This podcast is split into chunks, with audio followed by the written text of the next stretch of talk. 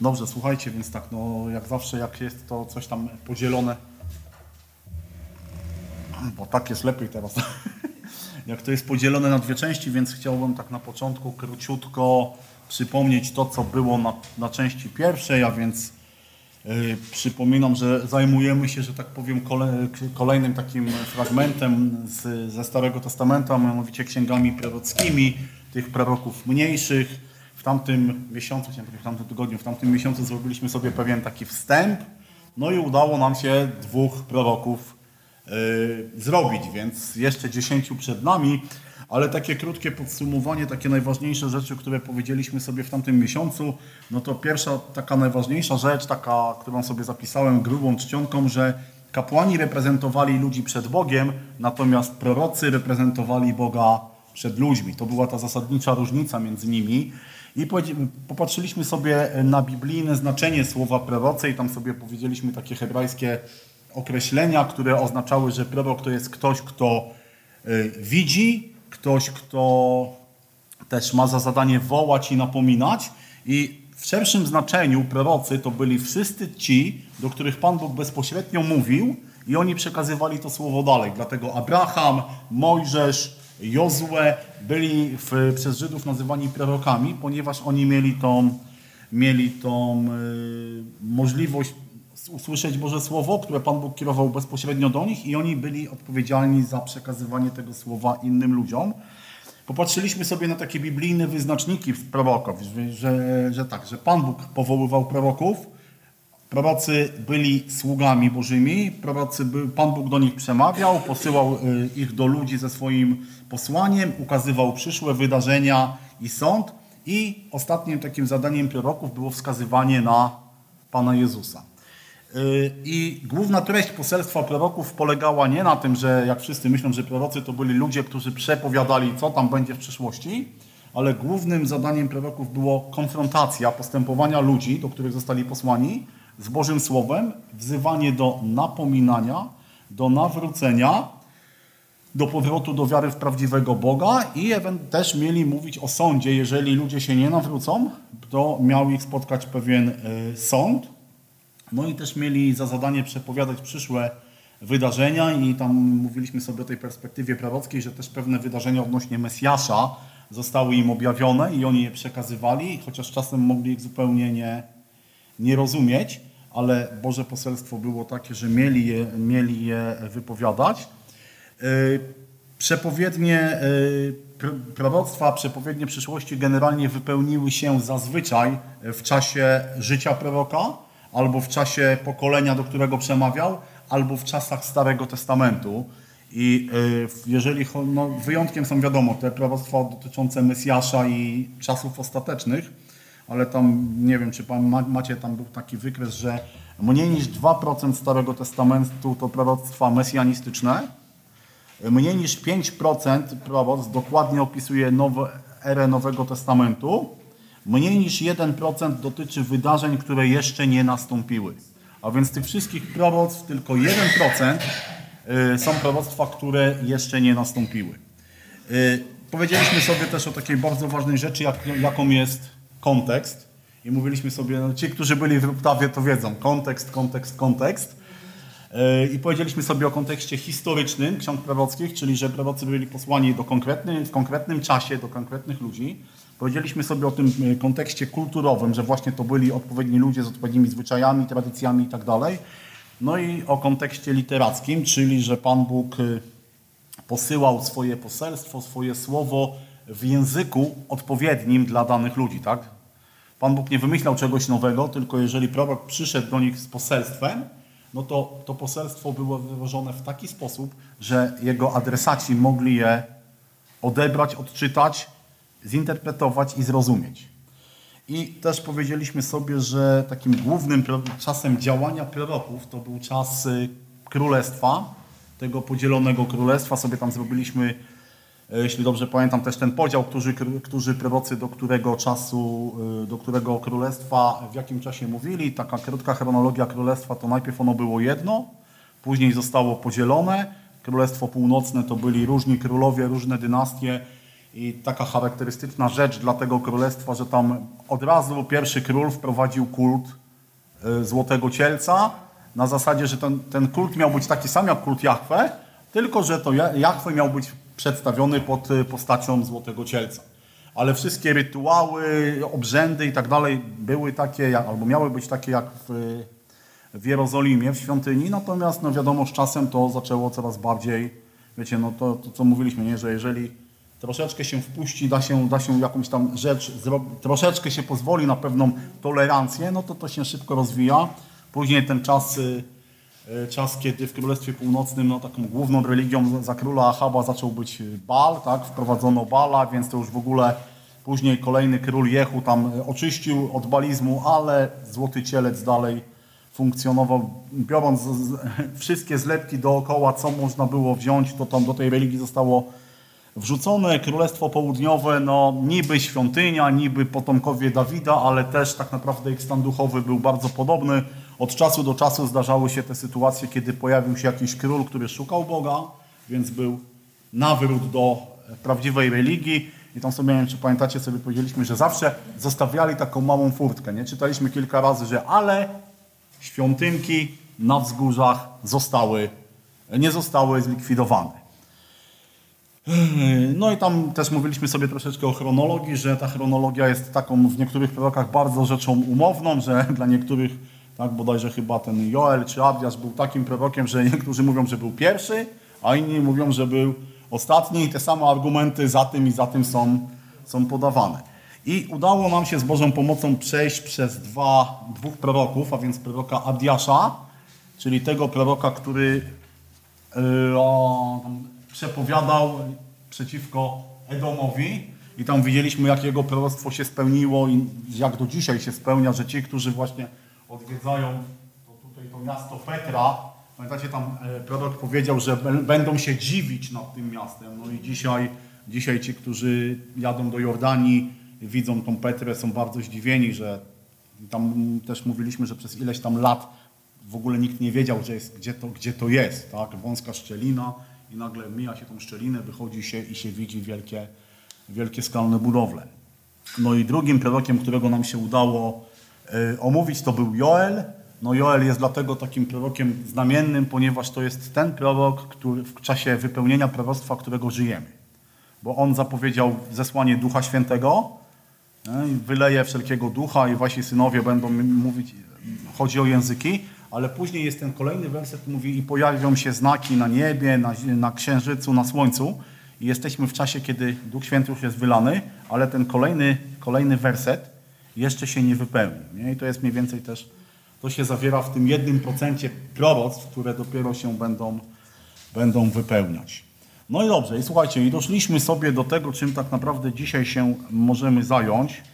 Musimy się zająć, czy mamy się zająć. Mam nadzieję, że nam się to wszystko uda uda zrobić, a mianowicie kolejnym tematem jest, są prorocy Królestwa Północnego, bo pamiętajmy, Królestwo Północne to było to królestwo, które było złe od zarania, od początku i tak naprawdę największymi prorokami tego królestwa to był kto?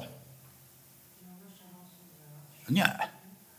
No ale tak naprawdę pierwszymi, najważniejszymi prorokami w tym królestwie to był Eliasz i Elizeusz. To byli ci prorocy, którzy zostali posłani do tego królestwa aczkolwiek nie mamy po nich żadnych, że tak powiem, ksiąg i zapisów. Natomiast jest tych trzech proroków, którzy tam zostali posłania, więc Jonasz, Amos i Jozeasz. I oni, Pan Bóg tak to zrobił, że ich księgi mamy zapisane. I co jest ciekawe, tak naprawdę czas działania tych królów, przepraszam, tych proroków, y, w Królestwie Północnym mniej więcej y, jest w ciągu y, życia jednego z królów, Jeroboama. Jeroboam już nam się powinien kojarzyć, bo to był król, który wprowadził bałwochwalstwo, ale to jest Jeroboam, który dostał drugi numer, czyli Jeroboam II. Po prostu ci królowie mieli to samo, to samo imię. I o nim czytamy właśnie e, w drugiej księdze królewskiej, 14 rozdział 23 werset, właśnie to jest ten fragment, który jest tutaj wyświetlony, że e, panował, prawda, e, ponad 41 lat, czynił to, co złe w oczach Pana, a więc to był kolejny król, zresztą jak wszyscy z Królestwa Północnego, którzy czynili zło, ale co? Ale czy nie odstąpił od, żadnych, od, od grzechów Jeroboama, czyli tego swojego imiennika, lecz Pan przywrócił granice ciągnące się od wejścia do Hamat aż po Morze Stepowe, zgodnie ze słowem Pana Boga Izraelskiego, który powiedział przez swojego sługę Jonasza. I to jest ten Jonasz, którego księgę, księgę mamy w Biblii. Y, wejrzał Pan bowiem na niedolę, niezwykle, nie, na niedolę Izraela. I tutaj bardzo ważna rzecz. Y, ja, ja sobie pozwolę tutaj też tą mapkę Wam jeszcze raz wrzucić. To jest ta mapa. Wiecie, bo tak, kiedy jeżeli chodzi o cały ten obszar, yy, nie wiem jak to nazwać, Palestyny, Kanaanu, to wiecie, to w tym królestwie, tak naprawdę w tym, na tym obszarze było kilka królestw, jak właśnie mamy tutaj Edom, Moab, Juda, czy też cały Izrael, Filistyńczycy, tam na górze jest Fenicja, Amnon i Aram, zwany również Syrią i Damaszkiem. Dlaczego to jest ważne? Ponieważ tak naprawdę te wszystkie kraje, one były bardzo dosyć, no, na, na dosyć wąskim, małym obszarze i każdy z tych krajów, no, że tak powiem, yy, walczył o dominację w tym, w tym regionie i każdy z tych królestw, no, co jakiś czas miało lepsze czy gorsze, gorsze dni. I yy, za czasów króla Dawida czy króla Salomona, no to jakby takim największym graczem na tej, na, tej, na tej mapce to był właśnie Izrael. Natomiast później, kiedy królestwo zostało podzielone, bardzo różnie to się tam e, działo. Różne koalicje i przymierza były zawarte, ale jakby na pierwszą, na pierwszą taką, e, na głównego gracza to wyrósł ten Aram, Damaszek i Syria. To było takie najbardziej potężne wtedy w tym okresie yy, państwo, które tam dominowało. E, oczywiście mamy cały czas Egipt. Egipt e, Egipcjanie tworzy, bardzo ciekawą rzecz robili, ponieważ Egipcjanom nie zależało na kontroli na zasadzie, żeby te, te ziemie stały się Egiptem. Oni woleli tutaj mieć korzyści handlowe, oni potrafili się sprzymierzać. Pamiętacie, kto był sprzymierzeńcem króla, yy, znaczy inaczej. Z kim się yy, Salomon między innymi ochajtał? Z córką faraona, nie? Jedną z, Czyli co? No Egipt miał pewne wpływy, a kto najechał Jerozolimę po śmierci Salomona? Faraon, Egipcjanie. Czyli kiedy była możliwość, że pozycja Izraela, która była taka, wiecie, wysoka, żeby ją było zmniejszyć, oni bardzo szybko zrobili coś takiego, żeby to wszystko wróciło do równowagi. Dlaczego o tym mówię? Ponieważ y, w czasach tych proroków trzech, no to nagle pojawia się, słuchajcie, kolejne państwo, które, które zaczyna zagrażać, zagrażać całemu regionowi i tym, tym państwem jest właśnie Asyria. I Asyryjczycy byli o tyle ciekawym narodem, tutaj ich mamy tam na samej górze, gdzieś tam nie widać ich nawet, ale Asyryjczycy byli takim narodem, który był narodem, który żył z wojny. Zobaczcie, bo ich głównym bogiem, Asur, był bogiem wojny. Egipcjanie mieli boga słońca, Kananejczycy mieli boga płodności, natomiast Aramejczy, ci yy, Asyryjczycy byli królestwem, które na głównego swojego boga wybrało boga wojny. I to powodowało, że jakby w ich, nie wiem, mentalności, kulturze był podbój. Oni byli narodem, który nie chciał sprawować kontroli, że tak powiem, yy, tylko i wyłącznie jakiejś handlowej, politycznej, ale ich głównym zadaniem był, był podbój. Ich główną stolicą, głównym miastem była właśnie Niniwa. Religia, która była religią wojny i Asyryjczycy zaczęli stanowić zagrożenie dla całego tego regionu. I najbardziej e, jakby pod wpływ, e, jakby, jakby to powiedzieć, najbardziej niezadowoleni z tego powodu byli właśnie Aramejczycy, Syria i Damaszek i oni generalnie tworzyli różne koalicje, żeby postawić się, że tak powiem, Asyryjczykom.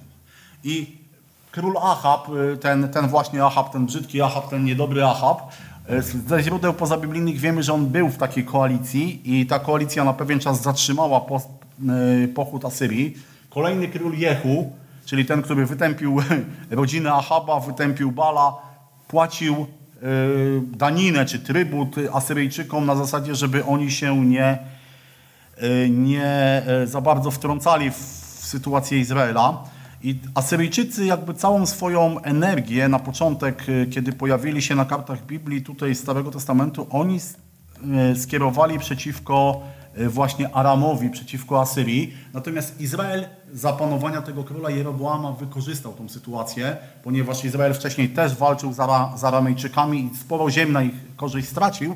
Natomiast oni spowodowali ten konflikt tym, że Aram był zajęty Asyrią, Izrael mógł powoli swoje ziemie y, od, y, odzyskiwać. No i właśnie za króla Jeroboama II nastąpi taki, można powiedzieć, narodze, ponowne, nie wiem, odrodzenie dynastii Izraela, y, naj, największa, jakby największy zasięg polityczny, militarny, główny wróg zajęty, wiecie, no to jest tak, no, że przyjaciele, wrogowie, wrogowie mojego wroga są moimi przyjaciółmi, więc mniej więcej Izrael poszedł w tą stronę, Asyria zaczyna dominować, Izrael wykorzystuje to, odradza swoją potęgę militarną, to się wiązało też z odnową też y, państwa, jeżeli chodzi o bogactwo, natomiast nie szło to zupełnie, jeżeli chodzi o odrodzenie y, duchowe. Chociaż może powiem inaczej. Y, za czasów króla Jeroboama było bardzo ożywione życie duchowe, jak później zobaczymy w księgach prorockich, ale niestety było niewłaściwie skierowane. I Pan Bóg posyła trzech proroków w czasach tego panowania króla Jeroboama, on panował 41 lat, no i właśnie pierwszym z tych proroków to jest Jonasz. I wiecie co? To jest księga, którą najlepiej znamy z ksiąg prorockich Starego Testamentu, jeżeli chodzi o tych mniejszych. Bo ona jest taka fajna, tak? To jest taka księga, którą się usiądzie, przeczyta na raz, można wrócić. Ona jest taka bardzo ciekawa, chociaż tak naprawdę no, bardziej to wygląda na pewne opowiadanie niż na proroctwo, gdzie no, tutaj jest, nie, że jedyne, ta księga zawiera siedem słów, które są proroctwem. Jeszcze 40 dni pozostaje do zburzenia Niniwy. I to jest jedyne proroctwo, które widzimy w tej księdze. Y, Jonasz pisze właśnie w trzeciej osobie, to też jest takie normalne, to nie tak, że ktoś tam opisuje tą historię, tylko taki, no też ten kontekst literacki był, że tak się wtedy pisało. Y, I Jonasz jest autorem tej księgi, widzimy, że tak, no jego imię znaczy gołąb. Ktoś, no dobrze, że nie głąb, Gołąb. Gołąb, tak. Gołąb w ogóle jest symbolem y, narodu izraelskiego. Pochodził z, ha, z Gad HaHefer w pobliżu Nazaretu, a więc też jest takie y, założenie, że był, y, jakby uczniem szkół prorockich, które powstawały za Eliasza i Elizeusza. Nie jest to, wiecie, jakoś potwierdzone biblijnie, po prostu niektórzy biblijni, biblijni, bibliści tak uważają. Co jest bardzo ciekawe, tutaj pewna żydowska tradycja mówi, że matka Jonasza to była wdowa pochodząca z Sarepty. Pamiętacie tą historię? I że e, Eliasz wzbudził Jonasza z martwych, że to on był, ale to wiecie, to jest tylko taka ciekawostka, wyczytałem, znalazłem, więc, więc podaję. E, I co ciekawe, Jonasz jest posłany właśnie do pogańskiej Niniwy, ale musimy pamiętać, że był też przede wszystkim prorokiem Królestwa Północnego i to z Księgi Królewskiej, ten fragment o Jeroboamie, który czytałem. Nie wiem, czy zwróciliście uwagę, zresztą mówiłem to, że tam jest mowa, że było to, że on przywrócił granice Izraela, tak jak, jak powiedział prorok Jonasz i tak dalej. I Asyryjczycy, do których on został posłany, oni podejrzewam, to był taki kraj, że oni mieli też doskonale zorganizowany wywiad, więc oni y, z pewnością wiedzieli, kim jest Jonasz. Wiecie, to nie było tak, że Pan Bóg posłał, posłał tam Jonasza na zasadzie, że on się pojawił w Niniwie jako pierwszy lepszy człowiek. Asyryjczycy mieli dobrze zorganizowane, zresztą z kronik asyryjskich, tak naprawdę na każdym dworze był ktoś, kto im donosił. Więc oni byli bardzo dobrze y, zorientowani w całej sytuacji tych ościennych krajów. I dlatego całkiem możliwe, że Jonasz, y, tak szybko uwierzono Jonaszowi, jakby no pomijając to, że Pan Bóg go tam posłał, ale tak bardzo szybko uwierzono jego poselstwu, ponieważ wiedziano, że to był człowiek, który to, co mówi od Boga, to się spełnia. No i oczywiście znamy ten zarys tej księgi, tak, no tutaj prawdopodobnie księga powstała właśnie pod koniec y, służby Jonasza, przed zburzeniem Niniwy. No Niniwa została zburzona dużo, dużo później, i tutaj no, Księga Jonasza wiadomo, no jest co? Jest bunt, jest y, Jonasz nie chce iść do Niniwy, później y, się nawraca w brzuchu ryby. Każde miejsce, słuchajcie, do spotkania z Panem Bogiem jest dobre. Nie ma żadnego miejsca, w którym można powiedzieć, Pan Bóg nie działa. Y, Jonasz zostaje, dostaje, no, można powiedzieć, no, wraca do Boga w brzuchu ryby, zostaje wysłany. Niniwa pokutuje, Boży charakter jest tutaj pokazany później w tym czwartym rozdziale, jak Jonasz siedzi i jęczy, że została, Niniwa się nawróciła, iluś tam ludzi, a on jest niezadowolony. Nie? Y, Dlaczego, dlaczego Jonasz w ogóle nie chciał iść do Niniwy? No to już troszeczkę sobie powiedzieliśmy. Y, Zagrożenie polityczne, zagrożenie dla Izraela, armia, która była potężna i tutaj Wiecie, jeszcze Asyryjczycy mieli jeden, jedną przewagę, że bardzo szybko, y, bardzo sprytnie korzystali z, że tak powiem, y, aparatu propagandowego. Y, Groza przed nimi wyprzedzała ich samych. Ja tutaj mam dwa cytaty z księgi z, z asyryjskich kronik. No i nie, no, widać, że to nie byli mili, ludzi, mili ludzie, tak? 600 ich wojowników zgładziłem mieczem, a 3000 jeńców w ogniu spaliłem. Nie zostawiłem ani jednego przy życiu, aby mogli zostać zakładnikami. Ich ciała ułożyłem w stosy, spaliłem ich młodzież męską i dziewczęta, ich wodza, którym był Hulai, obdarłem ze skóry i zawiesiłem ją na murze miasta Damdamusa. No i inny cytat. Przed bramą miasta ustawiłem słup, ob- obdarłem ze skóry wszystkich przywódców buntu, a skóry ułożyłem na słupie. Niektórych zamurowałem w słupie, innych wbiłem na pale ustanowione na słupie. Wielu jeńców spaliłem, wielu żołnierzy pojmałem żywcem, niektórym obciąłem ręce lub dłonie, innym nosy, uszy, kończyny. Wielu wojownikom wyłupiłem oczy, ułożyłem stos z żywych, a drugi z głów, rozwiesiłem je na drzewach wokół miasta, spaliłem ich młodzież, chłopców i dziewczęta. Od mego miecza zginęło 6,5 tysiąca wojowników, a resztę pochłonął Eufrat, gdyż na pustyni cierpieli pragnienie. I jest to, są to tylko dwa opisy z wielu opisów, w jaki sposób postępowali Asyryjczycy. Więc bardzo często było tak, że jeżeli armia asyryjska gdzieś miała najechać, to ludzie woleli otworzyć im, otworzyć im y, bramy, niż, niż z nimi walczyć. Więc, y, że tak powiem, no, oni, oni byli też w pewien sposób y, ludźmi, przed którymi szła groza. Ich główną stolicą właśnie była Niniwa. Tutaj mam kilka informacji, że y, właściwie to było, Niniwa była miastem otoczonym innymi miastami. Y, Miasto rozciągało się na 8 km kwadratowych, czyli 800 hektarów. Jerozolima w tym czasie miała 30 hektarów. Więc zobaczcie, jaka była dysproporcja Niniwy do Jerozolimy, która też była dużym miastem. Długość wysokich y, mury 12 km obwodu, y, mury wzmocnione 1500 wież, y, wysokie na 100 metrów, mury miejskie dodatkowo otaczała fosa, 15 bram. W czasach Jonasza w Niniwie żyło 120 tysięcy ludzi, bo też jest ten cytat, kiedy Pan Bóg przychodzi do Jonasza i mówi, no ty żałujesz krzaczka, tak? a ja miałem nie żałować 120, miasta, w którym jest 120 tysięcy, chociaż niektórzy też uważają, że te 120 tysięcy odnosi się tylko do dzieci. Więc jeżeli tak, no to ich, ich było jeszcze, jeszcze e, więcej. No kolejną rzeczą, jaką w Niniwie było, no to było też to rozpasanie takie, wiecie, moralne, bo ten Bóg wojny też tam, oprócz niego czczono tam e, też boginię miłości i wojny Isztar, więc rytualna prostytucja e, obydwu płci. Wiecie, no wróg Izraela, król, królestwo, które robi takie rzeczy, które już walczyło z Izraelem i wyobraźcie sobie postawę proroka, który, do którego Pan Bóg mówi, masz tam iść i im powiedzieć, że jeżeli się nie opamiętają, to w ciągu 40 dni zostaną zniszczeni. I wiecie, jak się zacząłem zastanawiać, jakby mnie Pan Bóg tak posłał w tamtych czasach. Słuchajcie, no tak na ludzką logikę też bym nie poszedł. Też bym nie poszedł. No. Dlaczego? Po co?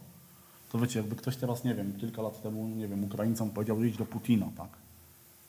Taka, takie porównanie mi się, mi się skojarzyło, ale tak jak powiedziałem, Pan Bóg złamał Jonasza, Jonasz idzie, głosi to poselstwo. Nie wiem, czy on to głosił, wiecie, z czystym sercem, bo chyba nie do końca, skoro później ten czwarty rozdział jest taki, że on nie był zadowolony, ale zrobił to, co Pan Bóg mu powiedział i tak jak powiedziałem, no Jonasz jest jedynym z niewielu proroków, którzy, którzy odnieśli sukces. I co jest ciekawe, on, to był problem, on odniósł sukces, ale on nie był, nie był z tego sukcesu zadowolony. Nie?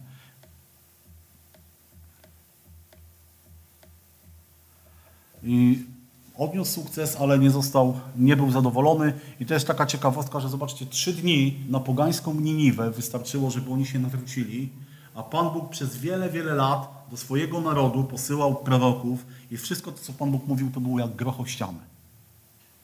Jak, jaki to to paradoks i właśnie też Pan Jezus to zauważa, bo w Ewangelii Łukasza mówi, że mężowie z Niniwy staną na sądzie wraz z tym pokoleniem i spowodują jego potępienie, gdyż na skutek zwiastowania Jonasza pokutowali, a oto tutaj więcej niż Jonasz. Nie, Pan Jezus mówi o sobie.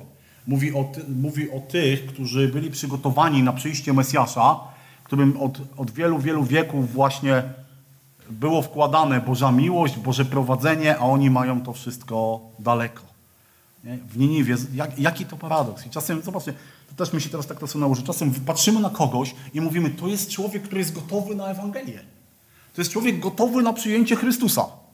I mówimy, zwiastujemy, pokazujemy i nie ma żadnego efektu. A są tacy, którym prawda, kilka słów wystarczy i, i przychodzą, przychodzą do Boga. I tak samo było z Niniwą, wiecie, bo też tutaj y, Biblia Biblią, ale też y, mamy jakby inne informacje, że właśnie za czasów jednego z królów asyryjskich ta cała, cała, yy, cały ten pęd Asyrii do zdobyczy zostaje zahamowany, oni przestają robić podboje, co więcej, yy, następuje też pewien przewrót w ich religii, yy, bo zaczyna się taka tendencja szukania jednego Boga prawdziwego.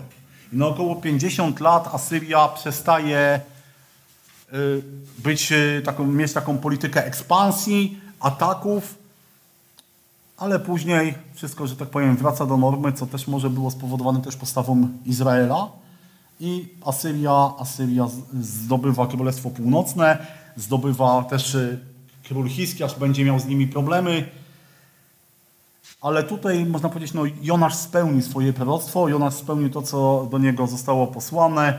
Y, czego uczy nas Księga Jonasza? No przede wszystkim tego, że Bóg jest pełen miłości dla każdego, kto przychodzi ze skruchą.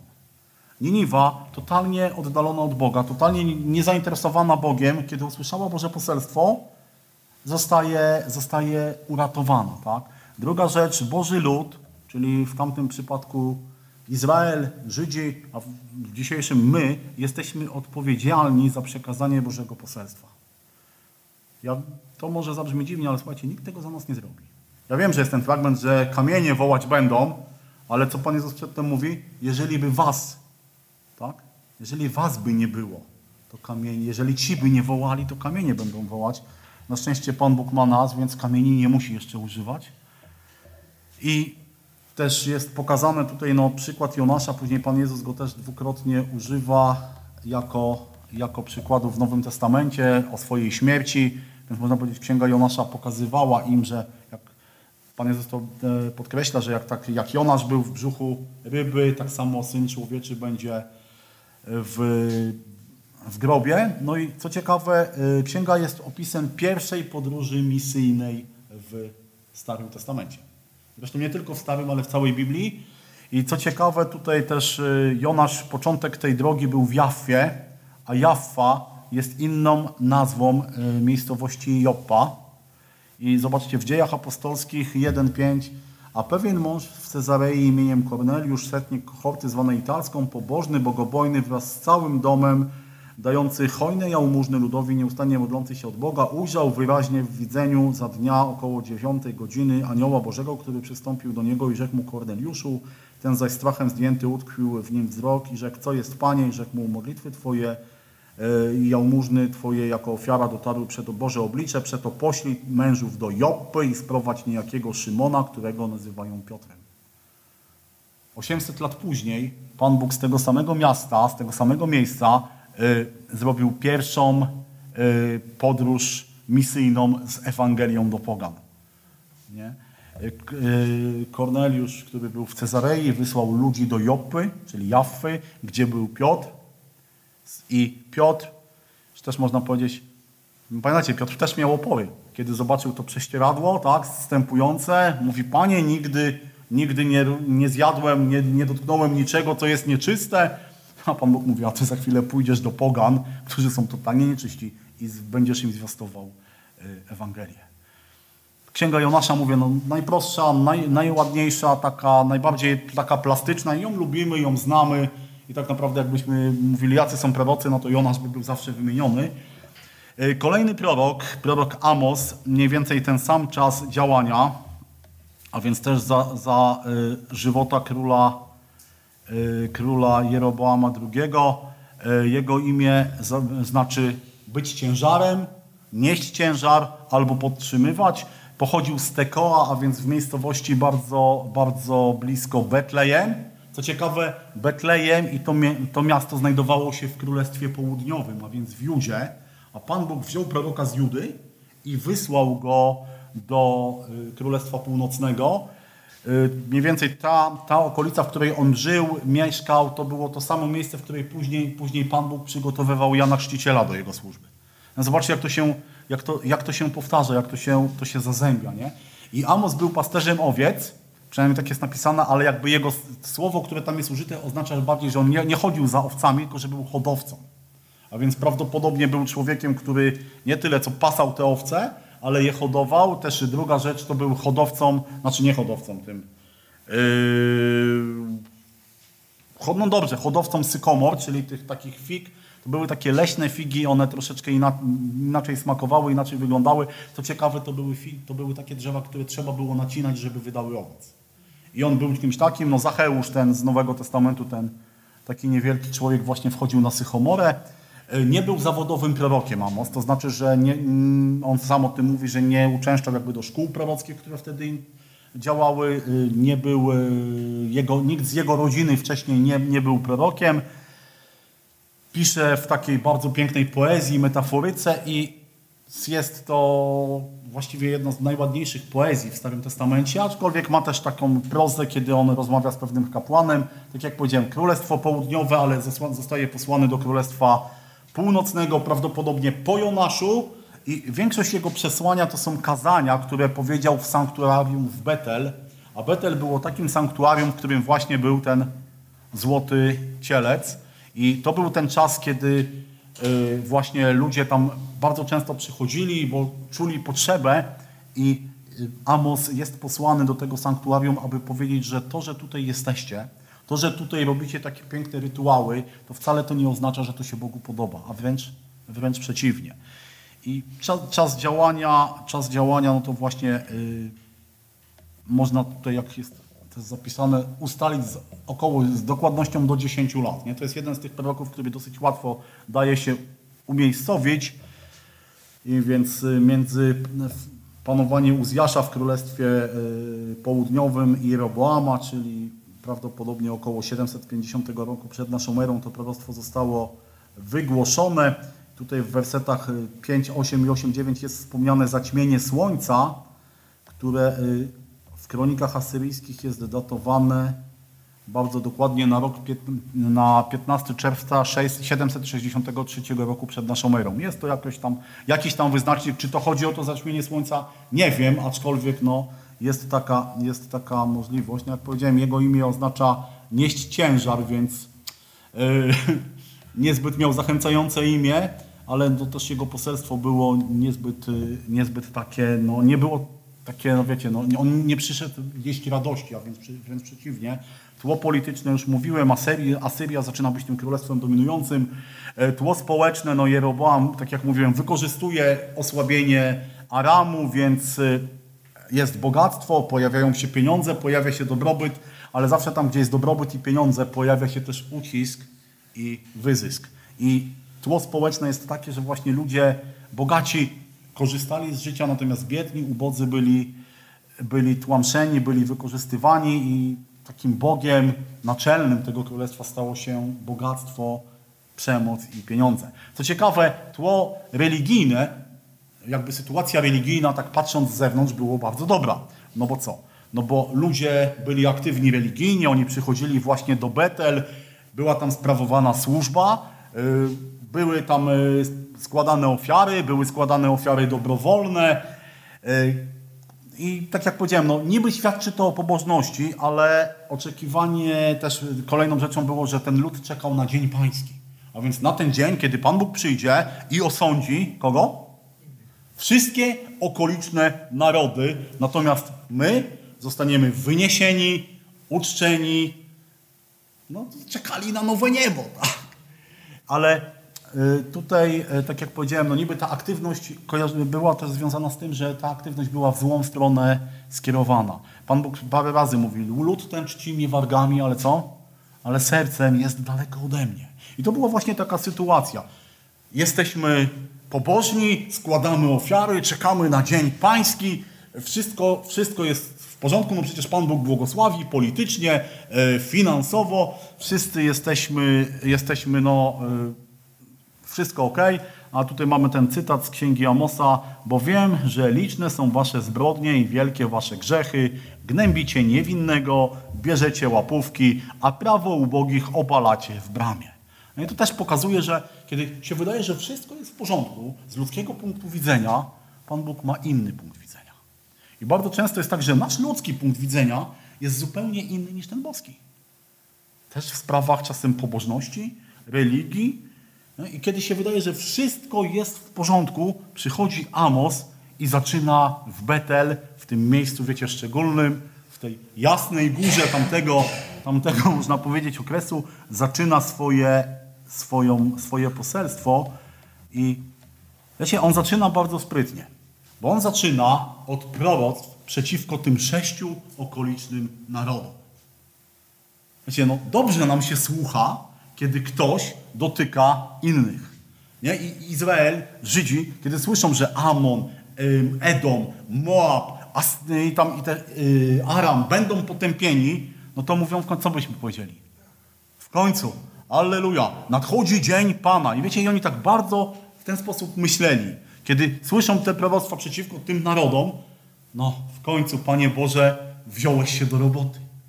Dalej, Amos po tych sześciu proroctwach mówi siódme przeciwko Judzie. A więc przeciwko właściwie no, ten sam naród, ale wiecie, te Królestwo Północne miało to do siebie, że oni się czuli tacy troszeczkę, no nie wiem jak to nazwać, no tacy wiecie, tacy ubodzy krewni, nie? No bo w Jerozolimie, wiadomo, była świątynia, Pan Bóg wybrał Dawida, jego ród. I wiecie, oni mogli mieć pewne kompleksy. Bo oni doskonale wiedzieli, że tak naprawdę to sanktuarium, czy w Betel, czy w Dan, to nie jest to, które Pan Bóg powiedział. Nie? Że król, przed którym się kłaniamy, to nie jest ten król z tego samego poselstwa, z tego, z tego prowadztwa, z, z tej obietnicy, to nie jest potomek Dawida.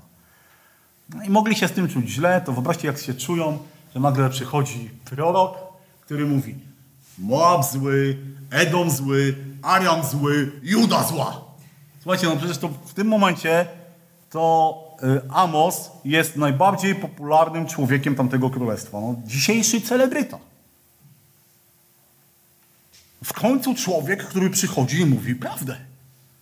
No, Panie Boże, to niech przyjdzie ten dzień, kiedy już będziemy mogli widzieć ten, ten osąd. Nie? Ale dalej Amon pokazuje też winę Izraela. Wiecie, kiedy oni się poczuli tak dobrze, to Amon mówi, ale zobaczcie, wy też macie swoje za uszami. To, jak oddajecie Bogu cześć, to, że wy wyzyskujecie ludzi, Pan Bóg przypomina, zobaczcie, ja tyle rzeczy uczyniłem w waszej historii. Ja was wyprowadziłem, ja was e, e, przeprowadziłem, wyprowadziłem z Egiptu, przygotowałem dla was Kanaan, przeprowadziłem przez pustynię, zsyłałem proroków, aby was uczyć, a wy co robicie? Co więcej, wiecie, Pan Bóg im przypomina, że skarałem was głodem, suszą, szarańczą, zarazą, wojną. Po co? Po to, żebyście przyszli do mnie. My czasem patrzymy na doświadczenia, że oto Pan Bóg nas chce ukarać. Ale wiecie, Pan Bóg bardzo często używa takich rzeczy, żeby człowiek zaczął myśleć o nim. Bo kiedy człowiek, wiecie, kiedy człowiek patrzy na siebie i mówi, ja jeszcze mogę zrobić to, mogę zrobić to, mogę zrobić to, to człowiek to robi. Ale kiedy są takie sytuacje, że człowiek już nie ma gdzie, nie ma znikąd pomocy, zaczyna myśleć o Bogu. I kiedy przyszły te głody, susze i tak dalej, to co? Jaki powinien być efekt? Pokuta, nawrócenie, jak w Nieniwie. A co tutaj czytamy? Efektem było pięciokrotne stwierdzenie, jednak nie nawróciliście się do mnie, mówi oni mieli wszystko, żeby przyjść do Boga, a jednak Bóg mówi, nie nawróciliście się do mnie. I przychodzi Amos i mówi, dlatego będzie sąd. Postąpię z tobą Izraelu tak. A ponieważ tak chcę z tobą postąpić, przeto przygotuj się na spotkanie twojego Boga Izraelu. I wiecie, i to wcale nie było pocieszające. To słowo przygotuj się na spotkanie swojego Boga dzisiaj nas może cieszyć, ale dla nich oznaczało to wyrok. Wiecie, i pomimo tego, że Pan Bóg mówi, będzie wyrok, będzie kara, to jeszcze posyła Amosa z proroctwem, które brzmi tak mówi Pan, szukajcie mnie, a żyć będziecie. I co? Lecz nie szukajcie w Betelu, czyli w tym mieście, nie, nie chodźcie do Gilgalu i nie pielgrzymujcie do Berszeby, gdyż Gilgal pójdzie na wygnanie, a Betel obróci się w nicość. Szukajcie Pana, a żyć będziecie, aby nie, aby nie przerzucił się na dom Józefa jak ogień i strawił go, a nikt w Izraelu nie będzie mógł go ugasić. Zobaczcie, Pan Bóg mówi, szukajcie mnie prawdziwie, nie w tych sanktuariach, gdzie wam dają jakąś tam duchową papkę ale swoim sercem nawróćcie się do mnie. Skrucha nie nadchodzi, a więc Pan Bóg mówi, że będą kolejne etapy sądów. I w księdze Amosa mamy właśnie opis po kolei kilku, kilku takich rzeczy, które Pan Bóg mówi. Pierwszą z nich to jest właśnie szarańcza, później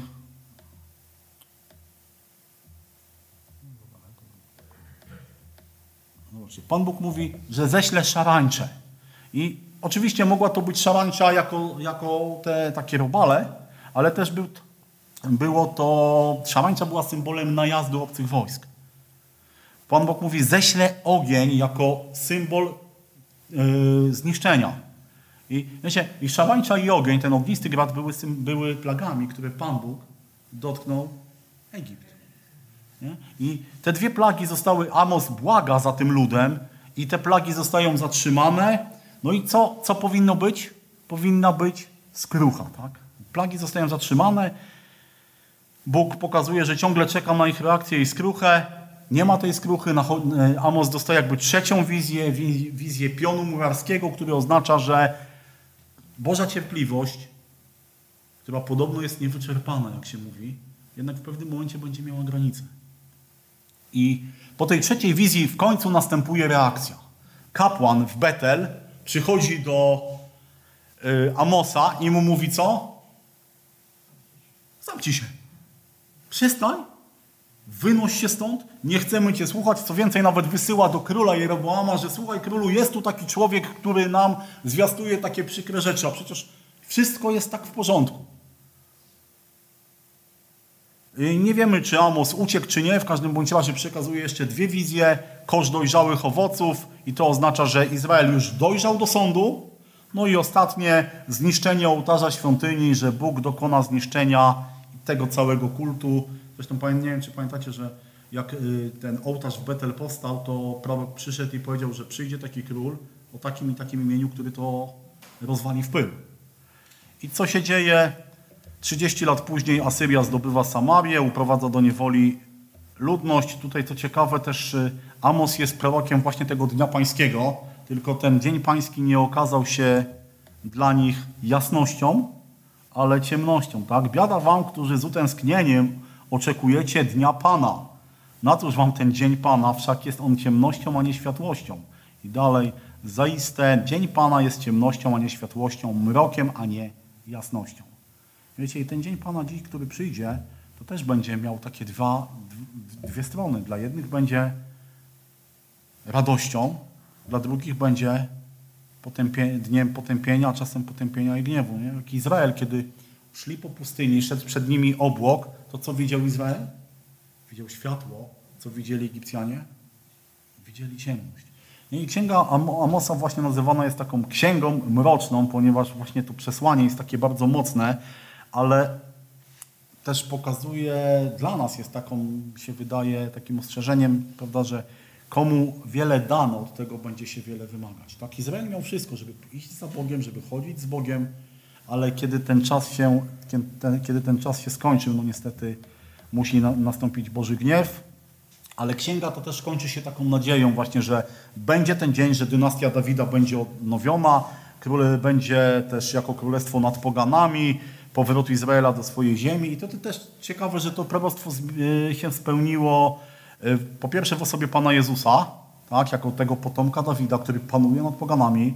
I też w ten sposób, że ta ziemia została odzyskana i państwo Izrael zostało odnowione. Tutaj dokładna data, 14 maja 1948 roku proklamowano Izrael, ale ta księga ma jeszcze jakby kolejne takie wydarzenie, na które dopiero, dopiero będziemy czekać.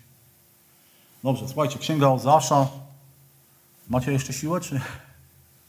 Dobra, Księga Ozeasza, czyli ten trzeci prorok, który, który jest y, w tym Królestwie Północnym działający, też w tych samych czasach, ale można powiedzieć tak, Jonasz działał najpierw, później Amos, teraz jest Ozeasz. Jego imię oznacza zbawienie i to jest ten sam rdzeń, który ma y, Jozue, którego imię najpierw brzmiało Hoshea, czyli zbawienie.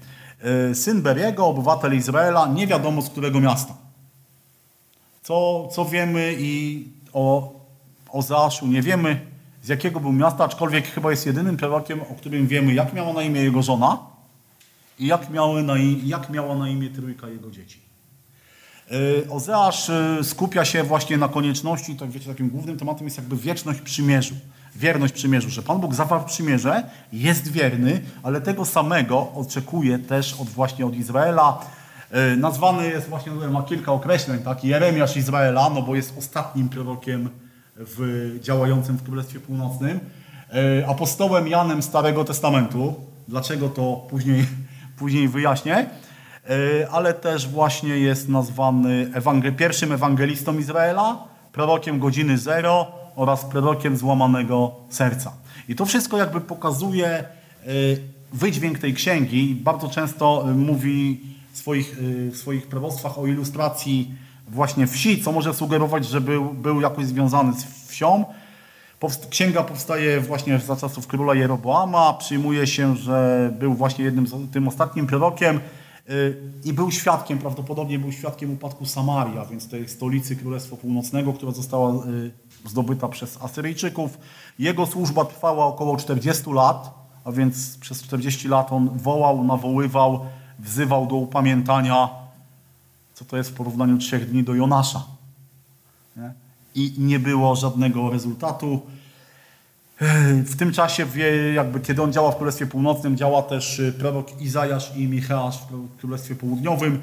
Y, Prawdopodobnie on zaczął działać jeszcze w momencie, kiedy król Jeroboam żył, ale potem y, król, po śmierci króla Jeroboama następuje w Królestwie Północnym chyba siedmiu królów po kolei, w których przynajmniej czterech albo pięciu skończyło życie w sposób y, drastyczny. Asyria wraca na drogę podboju, a więc jest ciągłym za- zagrożeniem.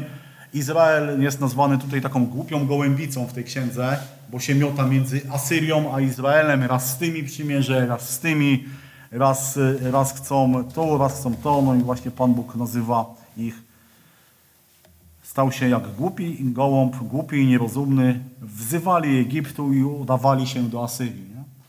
Zamiast przyjść do Boga, szukali, szukali odpowiedzi gdzie indziej. Księga Ozeasza jest taką najtrudniejszą z ksiąg Starego Testamentu.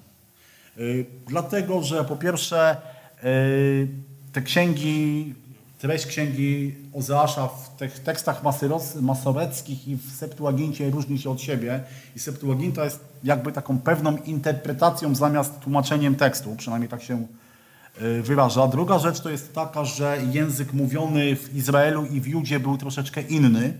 I tutaj na przykład jest y, ta, to słowo, słowo Baal. Tak? Kiedy my, my słyszymy słowo Baal, to pierwsza rzecz, jaka nam się kojarzy, to co? Bóg, ten kananejski Bożek. Tak? Natomiast w Izraelu słowo Baal mogło oznaczać męża, pana albo właśnie imię własne tego, tego Bożka. Y, I tutaj Ozeasz bardzo często, później też zobaczymy, używa takiej gry słów, co może być no, takie mm, dla nas dzisiaj niezrozumiałe. No, tu, tu jest ten werset Ozeasza 2,18. W owym dniu mówi, i w oryginale jest Bal, powie do mnie Balu mój już nigdy nie powie do mnie Balu mój. I wy, wybierz sobie jedno z trzech i dopasuj do kontekstu. I Księga Ozeasza właśnie jest taką księgą, którą no, ciężko się interpretuje też, y, jeżeli chodzi o ją treść. Natomiast no, jest taka najbardziej emocjonalną księgą Starego Testamentu. Wiecie, to jest księga, którą prorok pisze w momencie, kiedy widzi, co się dzieje, wie, co się stanie i jego serce jest takie złamane. Ktoś tu napisał, że to jest tak jakby między szlochaniem Ozeasz wypowiadał pewne, pewne zdania, pewne proroctwo. Jest tutaj tak wszystko bardzo, bardzo tak pomieszane. Nagana, sąd, zachęta do pokuty. Y, Jest to wszystko takie, wiecie, wymieszane. Trzeba być bardzo, bardzo uważnym, kiedy się to y, studiuje. No i też właśnie kiedyś taki napis znalazłem, że studiując Księgę Ozeasza trzeba mieć cierpliwość Kopciuszka. Pamiętamy tą historię Kopciuszka, że ona tam miała oddzielać każde ziarenko. Tak samo jest troszeczkę z Księgą, z księgą Ozeasza. Y, Treść poselstwa jest bardzo, bardzo taka no, dramatyczna, no bo tak, no, skierowane do Królestwa Północnego, które wieści mu zagłady, wiecie, to jest, to jest ten ostatni, ostatni dzwonek, tak? Ale pomimo to, że y, ten naród jest tak totalnie zepsuty, wiecie, tam tak naprawdę każda grupa, kapłani, książęta, prosty lud, stary, młody, jest pokazany, tutaj mam te, te wersety wypisane, że po prostu tam nie było nikogo, kto by, kto by chciał trzymać się Boga. Tam nawet, wiecie, tam nawet nie było chęci trzymania się Boga. Można powiedzieć, że Ozeasz był takim ostatnim, ostatnim mohikaninem, tak? ostatnim sprawiedliwym w tym królestwie i on woła do Boga, pokazuje to odstępstwo, ale co Pan Bóg dalej szuka, szuka sposobu, żeby, żeby do Niego wrócili. I w, tym, w tej księdze, chyba jak w żadnej innej w Starym Testamencie, jest pokazana Boża miłość do tego ludu. Do tego grzesznego, zepsutego, można powiedzieć beznadziejnego ludu. Dlatego też jak w Ewangelii Jana, ewangelista Jan jest nazwany takim właśnie Ewangelią miłości, tak samo Księga Ozeasza i Ozeasz jest nazwany e, takim apostołem Jana, e, apostołem Janem Starego Testamentu. Tak? No Bóg, wzywa, nawróćcie się i dom Pana swego Boga, gdyż upadłeś przez własną winę. Wiecie? Pan Bóg ciągle, można powiedzieć, jest za 5.12, za 5.12 zniszczenia, a Pan Bóg ciągle mówi, ale jeżeli wrócicie, to ja będę z wami. I tutaj bardzo ciekawą rzeczą jest właśnie rodzina proroka jako typ, symbol miłości Boga do swego ludu. Bo co o Azaszu jest takiego, co dzisiaj dla nas, ludzi wierzących, jest taką nie bardzo fajną rzeczą. Czyli Ozeasz dostał polecenie od Boga. Idź, pojmij za żonę nierządnicę. No i tutaj, wiecie, tutaj się też zaczyna taki pewien problem, problem no bo właśnie Gomer jest obrazem związku Boga ze swoim ludem. Tak? Dostaje polecenie poślub nierządnicę.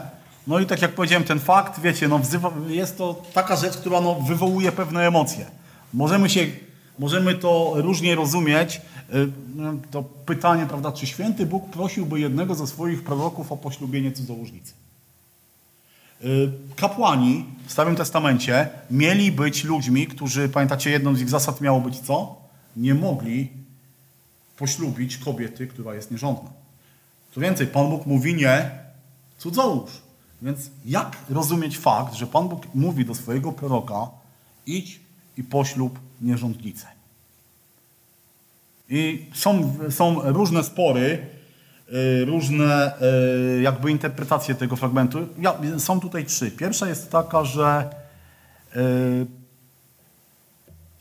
jest to przypowieść. Pewna ilustracja, wiecie, no Pan Bóg użył, tutaj jest użyta pewna przypowieść, że to wcale nie miało miejsca. Nie, nie posunąłbym się do tego. Tak, no zwłaszcza, że się rodzą dzieci, ale to też może być symbol. Druga rzecz, rzeczywiście otrzymał taki nakaz i posłuchał go. Ale mówię, no Pan Bóg mówi, nie cudzołóż, wymaga tego od kapłanów. Dlaczego miałby wymagać tego od proroka? Dlaczego nie, z drugiej strony, nie? Ale trzecią, trzecią rzecz, y, jaką znalazłem, to, że y, Ozeasz poślubił Gomer, która później porzuca męża i oddaje się cudzołóstwu, ponieważ tutaj to słowo nierządnica użyte w hebrajskim brzmi znunim i jest używane odnośnie charakteru, a nie zachowania. Chodzi o to, że po prostu ona miała, był to taki no napisałem wam tak, że zainteresowanych odsyłam do trudne fragmenty Biblii w wydawnictwa Vocatio, mogę udostępnić. Tam jest to szerzej, szerzej rozpisane. Powiem tak, któraś z tych interpretacji może być prawdziwa. Która, moim zdaniem, i to jest tylko moje zdanie, najbardziej dla mnie, do mnie przemawia ta trzecia, że bo jeżeli Gomer ma być symbolem narodu izraelskiego, no to Pan Bóg sobie wziął ten naród, który był, że tak powiem, czysty. Czyli Później oni, kiedy przyszli, porzucili swoich, porzucili Boga, przeszli do innych bożków. Niektórzy, jeśli można, wskazują na to, że Gomer znaczy dokonany, czyli ona y, na początku małżeństwa była żoną tak, jak należało, żeby była, a dopiero później no, zeszła, zeszła na, na drogę cudzołóstwa. Wydaje mi się, że ta interpretacja jest taka jakby najbliższa sensu, przynajmniej w moim zrozumieniu Bożego Słowa. Aczkolwiek, wiecie, no, jeżeli Pan Bóg czegoś wyraźnie nie mówi, my możemy sobie gdybać. Mi się wydaje, że jakby to jest takie najbardziej, najbardziej sensowne, jeżeli to ma być właśnie też y, miłość, miłość Boga do Izraela. Gomer odchodzi, zostaje cudzołożnicą. Później y, Ozeasz dostaje ponownie polecenie idź poślub tą, tą kobietę z powrotem przyjmij i tutaj się to też odnosi y, do Gomer, no i tutaj ten symbol, że prawda, Bóg poślubia Izrael, który idzie za innymi bogami, oddając się bałwochwalstwu, zostaje ponownie nabyty przez Boga, oczyszczony do społeczności z Nim. I symbol małżeństwa no, jest właśnie też obecny w Nowym Testamencie. Tak? Chrystus jest oblubieńcem, Kościół jest oblubienicą, więc być może, być może jest to y, też ten, fragment, tutaj Księga Ozeasza też mówi właśnie o Izraelu, który został nabyty, poślubiony i Pan Jezus też, y, też no, pokazany jest jako oblubieniec Kościoła. Gomer rodzi y, Ozeaszowi trójkę dzieci. Ich imiona też pokazywały takie jakby etapy Bożego sądu, Bożego, Boże, Bożej relacji z domem Izraela. Jezreel to było imię pierwszego dziecka. Jezreel było miejscem, gdzie Jehu, pamiętamy jeszcze? Króla Jehu, on wytępił balizm. Tak? Izrael doszedł do takiego momentu, że Jehu wytępił wyznawców Bala, co jest pokazane, że, bałwo, że Izrael będzie wytępiony. Bałwochwalstwo będzie wytępione. Drugie dziecko Loruhama, niemiłowana, dla tej, dla której nie ma miłosierdzia i sąd, który nadejdzie, będzie bez miłosierdzia. Wiecie, Pan Bóg jest miłosierny, ale Pan Bóg kładzie też czas tego miłosierdzia. I Samaria odpokutuje. Trzecie dziecko, nie mój lud, lo, lo amim. W wyniku obstępstwa Izrael nie można już nazwać ludem Boga. Wiecie co, chyba to jest największy dramat, że lud Boży przestał być nazywany Bożym ludem. Ale też Księga Ozeasza daje pewną nadzieję, bo oprócz zapowiedzi sądu ukazana jest też odnowa w przyszłości. Y, później Ozeasz powtarza imiona tych swoich dzieci bez tego słowa lo, czyli bez słowa nie i pokazuje, że y, Izrael będzie jak piasek morski, że oni powrócą, będzie nazwanym Bożym ludem. I y, Paweł cytuje ten, ten fragment odnosząc się do pogan właśnie w liście do Rzymian, jak też u Ozasza mówi, nie mój lud nazwę moim ludem i te, która nie była umiłowana nazwę umiłowaną i będzie tak, że na tym miejscu, gdzie mi powiedziano, nie jesteście ludem moim, nazwani będą synami Boże, Boga żywego. Więc jest to też fragment, który odnosi się do przyszłości. Pan Bóg spełnia swoją obietnicę sądu. Będzie sąd, jeżeli nie będzie pokuty. Też jest przepowie, przepowiednia powrotu Izraela do swoich ziem, co już się dokonało, ale też spełni się dopiero w przyszłości, a może już się spełnia na naszych oczach też ta duchowa, duchowa, y, duchowe odrodzenie. I Ozeasz był ostatnim prorokiem Królestwa Północnego. Teraz takie może, nie wiem, krótka przerwa? Dobrze, to takie krótkie podsumowanie tego fragmentu, tego, tego etapu historii. Czyli tak, Królestwo Północne istnieje 200, około 200 lat. Od początku idzie w kierunku bałwochwalstwa. Najpierw mamy złoty cielec, później E, balizm, a później różne praktyki, które się wkłada w kult Jahwe. Trochę to przypomina pewien dzisiejszy kościół, ale to o tym w czerwcu będę mówił. E, Bóg posyła swoich proroków, aby e, wzywali do upamiętania, do porzucenia Bożej drogi. Ten naród nigdy się nie nawraca. Konsekwencją odrzucenia Boga jest niewola asyryjska. Oblężenia Samarii trwa trzy lata, potem Asyryjczycy zdobywają, niszczą Samarię, uprowadzają ludzi ludność tego królestwa. No, w królestwie zostaje tylko biedota, później tam Asyryjczycy sprowadzają inne narody, robi się miszmasz i wychodzą Samarytanie.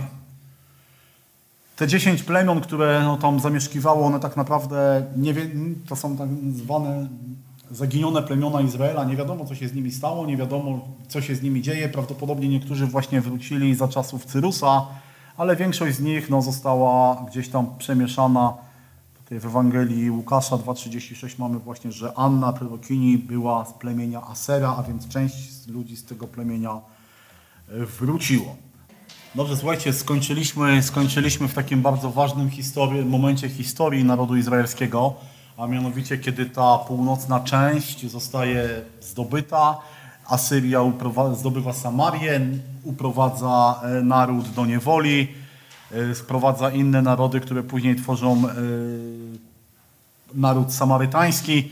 No i tak jak można powiedzieć, tak widzieliśmy, że od początku istnienia tego Królestwa Północnego Pan Bóg, że tak powiem, nie odwraca się od nich, tylko ciągle im, ciągle im wysyła, wysyła proroków, ponieważ no, Pan Bóg jest zainteresowany tak samo nimi, jak i Królestwem Judy. Tak samo jak zresztą Pan Bóg jest zainteresowany każdym człowiekiem. Tak? I e, do każdego człowieka wysyła, wysyła swoje poselstwo. My wracamy już do historii, czyli kolejny taki punkt, który sobie zrobiłem, Juda po upadku Samarii. Ponieważ no, Samaria upada, ale to południowe królestwo dalej trwa. I w Królestwie Południowym w tym czasie pojawia się człowiek, którego ja osobiście bardzo, bardzo lubię. Taki jeden z moich ulubionych yy, bohaterów, można powiedzieć, Starego Testamentu, a mianowicie w tym czasie, kiedy Samaria yy, upada, w Judzie rządzi król Hiskiasz, czasem, czasem też właśnie w niektórych tłumaczeniach i w niektórych komentarzach czy książkach jest nazwany Ezechiasz, więc czasem się można zgubić. Nic o takim nie było. Ale to trzeba pamiętać, że niektórzy królowie Izraela, Judy mieli nawet dwa, trzy imiona i biorąc pod uwagę też specyfikę hebrajskiego języka, no tak czasem ciężko powiedzieć, jak oni naprawdę mieli na imię, ale od Hiskiarz rządzi 7 lat i był to król, który jako pierwszy przeprowadził reformy religijne tak naprawdę do końca. Czytamy o nim, oto w pierwszym roku swojego panowania, w pierwszym miesiącu kazał otworzyć bramy świątyni pańskiej i naprawić je. Świątynia była w takim stanie, słuchajcie, w Judzie, że była zamknięta. Że była tak naprawdę, no, czytałem, że niektórzy po prostu nawet za jej mur wyrzucali śmieci. Więc obraz no, totalnego, totalnego, wiecie, mimo, mimo tego no, totalnego, nawet nie, nie wiadomo jak to nazwać, tak? Zapomnienia, oddalenia od Boga. A Hiskiarz był takim królem, który od samego początku zaczyna, zaczyna yy, pokazywać wiarę, yy, zaczyna, był to człowiek, który ufał Bogu, zresztą Zobaczcie, druga Księga Królewska 18.5.6. O nim na Panu Bogu Izraela polegał tak, że nie było po nim takiego jak on w gronie wszystkich królów judzkich, ani w gronie jego poprzedników. Był przywiązany do Pana i nie odstępował od niego, przestrzegając przykazań, jakie Pan nadał Mojżeszowi. Więc to jest człowiek, o którym no, Boże Słowo, Bóg wydaje piękne świadectwo. Był to człowiek, który przeprowadził głębokie, totalne reformy, odnowił świątynię, ponownie zaczęto obchodzić święto Paschy, na które, co ciekawe, zaprosił też tych, którzy zostali. E, wytępił bałwochwalstwo. W końcu te świątynki, które tam były w wzgórzach, zostały e, rozwalone. W jego czasach działa prorok Izasz, prorok Micheasz, a więc ma też takie wsparcie, wiecie, no, bożych, bożych ludzi. I też e, ma problemy z Asyrią. Wiecie, bo Asyria kilka lat po zdobyciu Samarii też zaatakowała, zaatakowała Judę. Pamiętamy z y, Starego Testamentu, że nawet kiedy podeszli pod bramę Jerozolimy, to wysłali taki list, tam przyszedł człowiek, który mówi, kto was, niech was Hiskiasz nie zwodzi, czy uratowane zostały te inne narody, czy ich bogowie coś zrobili, lepiej się poddajcie i służcie Bogu. I wtedy pamiętam, nie wiem, czy pamiętacie, że Hiskiasz bierze ten list i co z nim robi? Idzie do świątyni, staje przed Bogiem i, i czyta i dostaje odpowiedź, że... Yy, przez proroka Izajasza. Izajasz przychodzi do niego i mówi, przeto tak mówi Pan o królu asyryjskim, nie wkroczy on do tego miasta, ani nie wypuści na nie strzały, ani nie wystąpi przeciwko niemu starczą, ani nie usypie przeciwko niemu szańca. Drogą, którą przyszedł, powróci, a od miasta tego, a do miasta tego nie wkroczy, mówi Pan, i osłonie to miasto i ocalę przez wzgląd na Ciebie i przez wzgląd na Dawida, mego sługę, i stało się tej samej nocy, że wyszedł anioł pański i pozbawił życia w obozie asyryjskim 185 tysięcy. Następnego dnia rano oto wszyscy oni, same trupy pomarli. To też Sancheryb, król asyryjski, zwinął obóz i wyruszył i powrócił i zamieszkał w Niniwie. No zobaczcie, przychodzi do swojego Boga, stoi w obliczu armii, która spustoszyła już nawet jego kraj, bo dalej zobaczycie opis Sancheryba, który o tym samym mówi, jak to czasem można fakty nagiąć, żeby wyszło, wyszło na moje, ale właściwie no, oto y, kraj spustoszony, miasta zdobyta, zostaje tylko Jerozolima, można powiedzieć, no już nic nas nie uratuje, przychodzą do Boga i Pan Bóg mówi, nawet strzały nie wypuści. Co więcej, wy nawet strzały nie wypuścicie. Pan Bóg przyszedł i rozwiązał tą, tą sytuację. Tutaj właśnie jest ten opis Sancheryba, co dotyczy Ezechiasza, właśnie to mówię o tych dwóch imionach, z Judy, który się nie poddał pod moje panowanie, obległem jego 46 fortyfikowanych miast otoczonych murem i niezliczone małe miasta w ich okolicy i zdobyłem je, szturmując ze swoich mostów i atakując z, moim, z machin oblężniczych. przy pomocy walki piechoty.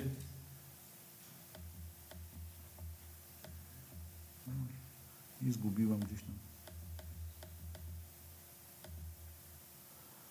A, Dzięki stosowaniu wyłomów zabrałem od nich dwie- 200 150 osób, dorosłych i dzieci, mężczyzn i niewiast, koni, mułów i tak dalej, i tak dalej, i tak dalej.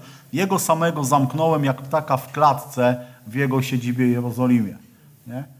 Jak, jak to ładnie można nazwać to, że Pan Bóg mnie poraził, tak? Ale e, Jerozolima nie zostaje zburzona, ale pomimo to też y, jest historia, kiedy Hiskiarz przyjmuje królu y, posłów z Babilonu, którzy mu gratulują. Wiecie, Babilon też był pod panowaniem asyryjskim, ale tak, to już był taki okres czasu, kiedy ta wiosna ludów tam w Imperium Asyryjskim powoli się budziła. I y, Pan Bóg zapowiada właśnie Hiskiaszowi, że Juda będzie też w niewoli. On pokazuje, pokazuje im tam wszystko, co miał. Przychodzi do niego prorok i się pyta, co pokazałeś? Wszystko. I dostaje proroctwo, że wszystko, co pokazałeś, pójdzie do, do króla babilońskiego. Yy, Pod, e, za czasów, tak jak mówiłem, Hiskiasza działają też prorocy. No, działa Izajasz przede wszystkim, ale ponieważ jest to większy, wiel- wielki prorok, duży prorok, większy prorok, więc nie jest jakby w, dzisiaj w mojej jurysdykcji, ale jest też prorok Micheasz. Jego imię oznacza Któż jest jak Jahwe i myślę, że to jest wspaniałe imię dla proroka w tamtych czasie i dla ludzi, którzy słyszeli poselstwo Micheasza, który, który właśnie swoim imieniem mówi Któż jest jak Jahwe. Nie? Po tych doświadczeniach, jakie miała Jerozolima, to oni mogli naprawdę tylko zastanowić się nad tym.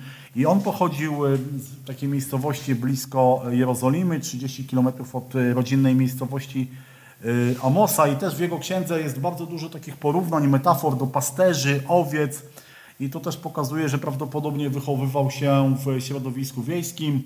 Y, Posłany był do Judy, ale część jego proroctwa dotyczy też Samarii, a więc musiał zacząć swoją działalność prorocką jeszcze w momencie, kiedy Królestwo Północne Samaria istniało, prawdopodobnie pod sam koniec istnienia tego królestwa, ale co jest ważne, jest tutaj takie poselstwo, które no skierowane jest do każdego człowieka. Tak? Michała 1.2 Słuchajcie wszystkie ludy, słuchaj uważnie ziemią i to, co ją napełnia. Niech stanie Wszechmogący Pan jako świadek przeciwko wam, Wszechmogący ze swojego świętego przybytku. I y, Micheasz y, mówi, że jego czas służby był za czasów Jotama, Achaza i Hiskiasza, więc tak jak mówię, no, on działał troszeczkę wcześniej. Jeremiasz też o nim wspomina, że prorokował za czasów Hiskiasza, czyli ogólnie jego proroctwo zaczyna się przed upadkiem Samarii, ale też trwa dalej i ta księga może być, się uważa, że jest zbiorem takich jego kazań yy, z całego jego okresu działania i treść, treść poselstwa, yy, no mówię, teologicznie jest podobna właśnie do księgi Amosa i Jozeasza, no z tego względu, że no działali w tych samych czasach, tak? te same czasy, te same problemy, yy, ale treść poselstwa też była po, podobna, ale Michał pokazuje właśnie Boga jako takiego, który jest sprawiedliwy. No Jakbyśmy tak mieli wypunktować, co Michał mówi o Bogu, no to po pierwsze, że Bóg jest sprawiedliwy i cały naród bez względu na pozycję społeczną z powodu odstępstwa poddanie będzie osądzony. Druga, Bóg jest łaskawy i wierny przymierzu, czyli lud, reszta zostanie odkupiona i odnowiona, więc zobaczcie, ciągle, pomimo tego, że jest zapowiedź kary, sądu, Pan Bóg pokazuje nadzieję i odrodzenie. Pokazuje, że Bóg kocha każdego człowieka i wierzący poganie otrzymają również błogosławieństwo przed nadchodzącego Mesjasza. I kolejna rzecz, że Bóg chce, aby Jego lud odzwierciedlał Jego charakter, a nie wykonywał pozbawione wiary rytuały. I myślę, wiecie, kiedy tak sobie czytałem, to, to tak naprawdę to poselstwo Michała to jest aktualne do nas, do nas dzisiaj. Tak? Ten, jest ten fragment Michała 6, 6,8 i tutaj właśnie Pan Bóg mówi, to słynne zdanie, oznajmiono Ci człowiecze, co jest dobre i czego Pan żąda od Ciebie, tylko abyś wypełniał prawo, okazywał miłość bratniom i w pokorze obcował ze swoim Bogiem. I tu właśnie charakterystyczną też rzeczą dla Michała jest to, że tutaj jest właśnie, to wszystko też jest umieszczone obok siebie, tak jak było u Amosa i u Ozeasza, nie? Jest sąd, pokuta, odnowienie i y, Michał jest prorokiem przepowiedni. Można powiedzieć, że w jego, y, jego poselstwie jest bardzo dużo rzeczy, które się już y, wykonały, dokonały. I tutaj właśnie mamy, mamy kilka tych proroctw. Y, On z- zapowiada zdobycie Samarii przez Asyrię, coś się dokonało. Y, Inwazję Sancheryba na Judę, która też, jak widzieliśmy, miała miejsce. Później zdobycie Jerozolimy przez Babilon, a więc coś, co się wydarzy za jakiś czas. Powrót Żydów wygnania i co ciekawe, bardzo takie ciekawe rzeczy zapowiada miejsce urodzenia Pana Jezusa i Jego powszechne królestwo. I tutaj mamy ten właśnie ten fragment. Ale Ty, Betlejemie Efrata, najmniejsze z okręgów ludzkich, z Ciebie mi wyjdzie ten, który będzie władcą Izraela, początki Jego od prawieków, od dni zamierzchłych. Dlatego wyda ich aż do czasu, gdy ta, którą porodzić, porodzi. Potem reszta Jego braci wróci do synów Izraela, będzie stał mocno i będzie pasł w mocy Pana, w chwale imienia Pana, swojego Boga. Wtedy będą mieszkać w spokoju, gdyż Jego moc będzie sięgać aż po krańce ziemi i On będzie pokojem, gdy Asyryjczycy wpadną do naszego kraju i wkroczą do naszych pałaców, wtedy wystawimy przeciwko nim siedmiu pasterzy i ośmiu książąt z ludu. Zobaczcie, to określenie książę pokoju będzie pasał w mocy, dotyczy to wszystko Pana, Pana Jezusa, więc Michał rzuca, rzuca yy, taką duże światło na osobę Pana Jezusa. Pamiętacie, kiedy do Heroda przybyli, przybyli mędrcy, czy magowie, czy królowie, czy jakich tam się nazywa, i on później woła uczonych w piśmie i się pyta, gdzie ma się narodzić Mesjasz? Co on usłyszał? Dokładnie. Zacytowano mu proroka Michała, nie? I oni doskonale wiedzieli, czego ten, czego ten prorok, czego to dotyczy.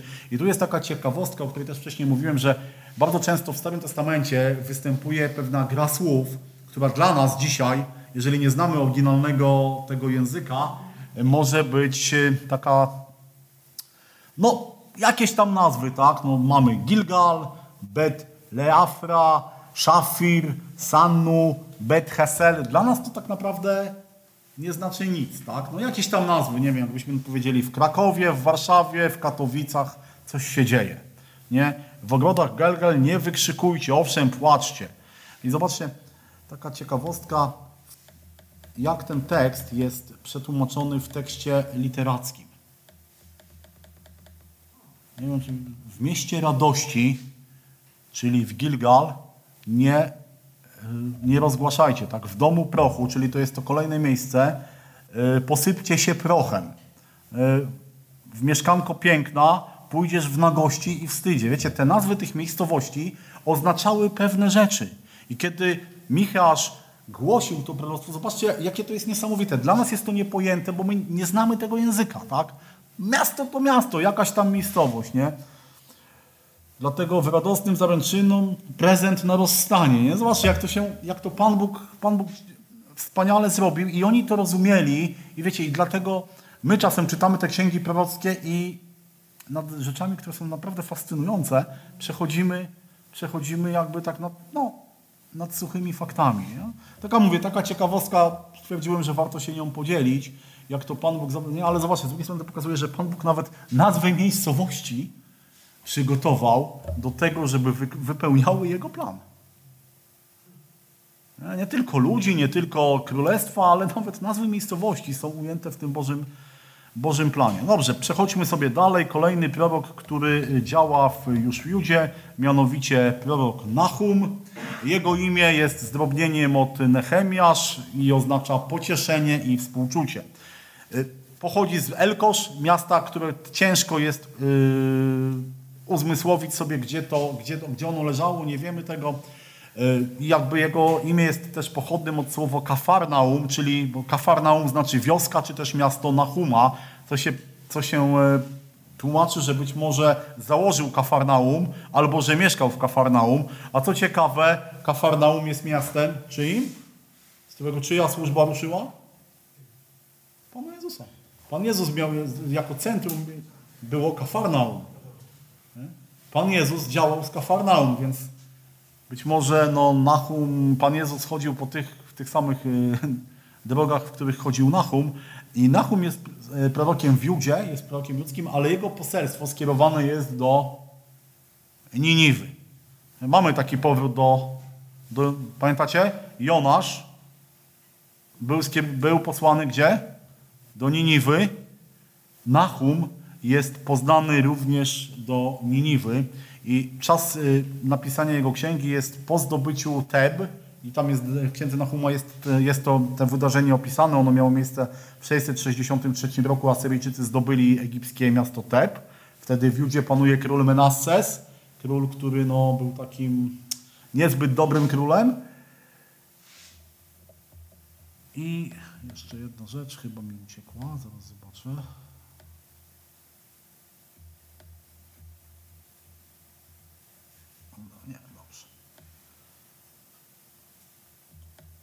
I jest, ta księga też no, jest przed zdobyciem samej Samarii, e, przepraszam, przed zdobyciem e, Niniwy. E, w tym czasie o, i czas pan, napisania tej księgi to było panowanie Menassesa, czyli już nie ma Hiskiasza, na tronie jest Menasses, jeden z najbardziej takich odstępczych królów, chociaż Pan Bóg na końcu okazuje mu łaskę i trafia on do niewoli babilońskiej, yy, asyryjskiej, a tam się nawraca i wraca do Boga, ale już to bałwochwalstwo poszło tak daleko, że ciężko jest yy, tutaj nad nim zapanować. Prawdopodobnie Menasses był tym królem, który, za którego czasów zginął yy, prorok Izajasz. Że prawdopodobnie jak czytamy w liście do hebrajczyków o tych przeżynanych piłą, w tradycji żydowskiej dotyczyło to Izajasza, że prawdopodobnie według tej tradycji to Izajasz ukrywał się w jakiejś dziupli drzewa, Menasses dowiedział się o tym i kazał to drzewo przepiłować. Y, czas napisania panowanie Menassesa, a wypełnienie się już zapanowania króla Jozjasza. Księga, tak jak powiedziałem, poświęcona Niniwie, jest napisana około 150 lat po y, Jonaszu.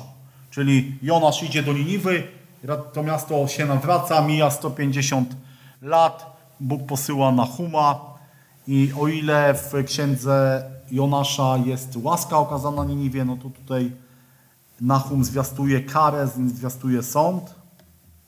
I pierwsze, pierwsze rozdziały właśnie mówią o Bogu, który jest cierpliwy, który jest sprawiedliwy, pełen łaski, ale też o Bogu, którego gniew dla niegodziwych będzie E, straszny i właśnie, można powiedzieć, Niniwa doszła do kresu swojej niegodziwości.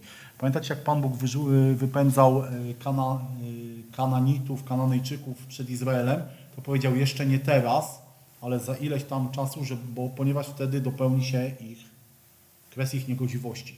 Tak samo jest z, Niniwą. Pan Bóg dał im czas, dał im, dał im możliwość, i w pewnym momencie mówi dosyć i zapowiada upadek tego miasta. No i tutaj jest taki, pozwoliłem sobie zacytować kilka e, takich szczegółów upadku tego miasta. Po pierwsze, będzie pijana i mamy ten cytat, także ty będziesz upojona i omdlała, także będziesz szukała schronienia przed nieprzyjacielem, zostanie zalana przez wody, umocnienie zostaną zrujnowane. 2.7 mówi, już otwarto śluzy rzeczne, w Pałacu Królewskim szerzy się popłoch w Niniwie wybuchnie pożar i tak strawi cię ogień, wytnie cię miecz, pożre cię jak szarańcza, roz, y, rozmnażaj się jak szarańcza, rozmnażaj się jak koniki polne, mieszkańcy będą wymordowani, rumaki stają dęba, iskrzą się miecze, lśnią dzidy, jest wielu zabitych, dużo trupów, bezkresna ilość zwłok potykając się o trupy. Miasto zostanie splądrowane i skazane na zapomnienie. Przeciwko Tobie wyda Pan rozkaz.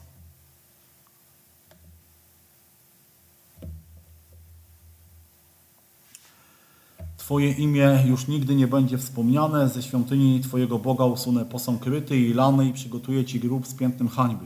Właśnie, Pan Bóg mówi, będzie pijana, zostanie zalana, strawi ją pożar, mieszkańcy zostaną wymordowani i miasto zostanie skazane na Y, na zapomnienie. Pamiętacie, jak mówiliśmy o Jonaszu, o Niniwie, no to mówiłem, że to było wielkie miasto, potężne mury, fosy, ileś tam y, armia asyryjska nie mająca sobie równych. Nahum przychodzi z proroctwem, kiedy Asyria jest u szczytu potęgi i mówi, że to miasto zostanie tak, tak zdobyte. No, co myśmy sobie mogli powiedzieć, tak? co byśmy sobie mogli pomyśleć? Człowieku, z czym, z czym do ludzi? Ale wiecie, Pan Bóg, Pan Bóg ma swój plan i Pan Bóg go zapowiada. W 612 roku Niniwa upada. Sojusznicze ludy, Babilon, Media i Persja skrzykują się razem. Oni, co ciekawe, oni byli częścią tego imperium asyryjskiego, tylko że w pewnym momencie no, zbuntowali się, połączyli siły y, zaatakowali Niniwę i tutaj mamy taki cytat y, z historyka Diodora Sycylijskiego, który korzystał jeszcze z wcześniejszych źródeł, ale y, właśnie o upadku Asyrii mniej więcej napisał coś takiego, że rządzący Asyrią król miał zignorować zagrożenie i być pewny swojego zwycięstwa i rozbił obóz przed miastem. W oczekiwaniu na wrogów w obozie miało strumieniami lać się wino, co spowodowało rozprążenie w szeregach armii. Najeźdźcy zaatakowali, podbici Asyryjczycy schronili się za potężnymi murami, które uważano nie do zdobycia. Byli pijani. Najeźdźcy posłużyli się opływającą mury rzeką. W wyniku ulewnych deszczy Tygrys miał wysoki poziom wody. Oni, oni przekierowali bieg wody na, do zbudowanych zbiorników. Kiedy tej wody było bardzo dużo, po prostu otworzyli tamy i ta woda uderzyła e, w mury. I siła uderzenia była tak wielka, że powstał wyłom w tych murach.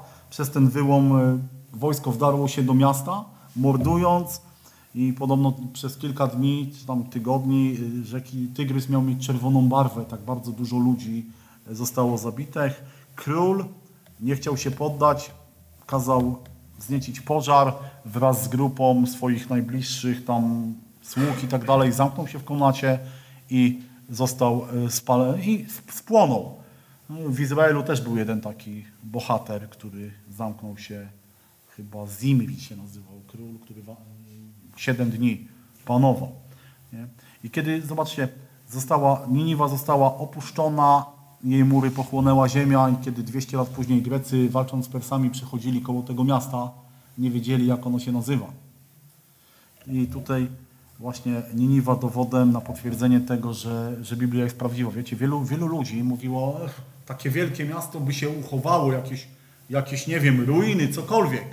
Jeśli nie ma Niniwy, no to to jest bajka. Jeśli coś w Biblii jest bajką, no to jak można wierzyć wszystkiemu innemu? No, kiedyś o Petrze też tak mówili sobie, przypomniałem. Ale zobaczcie, do XIX wieku uważano i jej bogactwa za wymysł Starego Testamentu, ale angielski archeolog y, Layard rozpoczął prace wykopaliskowe w pobliżu Mosulu, czyli dzisiejszy teren dzisiejszego Iraku. E, i które ujawniły potęgę dawnej asyryjskiej metropolii. Odnaleziono ruiny pałaców. Wymiary pałacu Sancheryba można porównać z wymiarem trzech dużych bloków. I odkryto potężną bibliotekę, w której no, było kilkadziesiąt tabliczek z zapisem, które potwierdzały całą biblijną historię.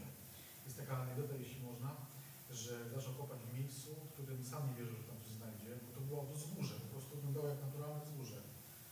Nikt tam nie chciał kopać, nie ukazał się w głowie, że znaczy to jest teren, który kształtował się z ziemi. A tam była właśnie... Tam właśnie była Niwa. No właśnie tutaj też taka ważna rzecz, że no jest symbolem ziemskiej władzy sprzeciwiającej się Bogu i Pan Bóg używa bardzo często takich rzeczy, używa narody, jest Panem tych narodów, ale to nie znaczy, że te narody są bezkarne. Zresztą w psalmach bardzo często też czytamy, że bezbożny się puszy i tak dalej, a na co on jest przeznaczony? Na dzień gniewu. I właśnie odnośnie tej ziemskiej władzy Pan Bóg pozwala na jej działanie, Pan Bóg może użyć do swoich celów, daje szansę na opamiętanie. Wiecie, to nie jest tak, że Pan Bóg nikomu nie daje szansy na opamiętanie. Nawet kiedyś czytałem taką książkę, czy, czy Judasz miał szansę na zbawienie? Oczywiście, jak każdy inny człowiek. I puenta z Nowego Testamentu, nie błądźcie, Bóg nie da się z siebie naśmiewać, co człowiek sieje, to rządź będzie. Kto sieje dla swego ciała, rządź będzie skażenie, kto sieje dla ducha, będzie, z ducha rządź będzie y, żywot wieczny. No i w, czasach Nahuma też działali inni prorocy, jak Sofoniasz, który też przy, przeciwko Niniwie prorokował Habakuk, Jeremiasz. I te proroctwa już dzieją się za panowania ostatniego pobożnego króla Judy, a więc króla Jozjasza. Było ich dwóch, Hiskiasz, później był czas pewnej bezbożności, pojawia się Jozjasz, był ostatnim pobożnym królem Judy, już po nim po prostu była to tylko, tylko jazda w dół. Miał 8 lat, kiedy objął władzę. Po 55-letnim panowaniu Menasesa, dwuletnim panowaniu Amnona, Juda była pogrążona w bałwochwalczych kultach, zależna politycznie od Asyrii, która mimo nawet, że jak straciła Niniwę, jednak dalej była imperium. Oni tam walczyli, ale dalej było państwo, któremu zagrażało.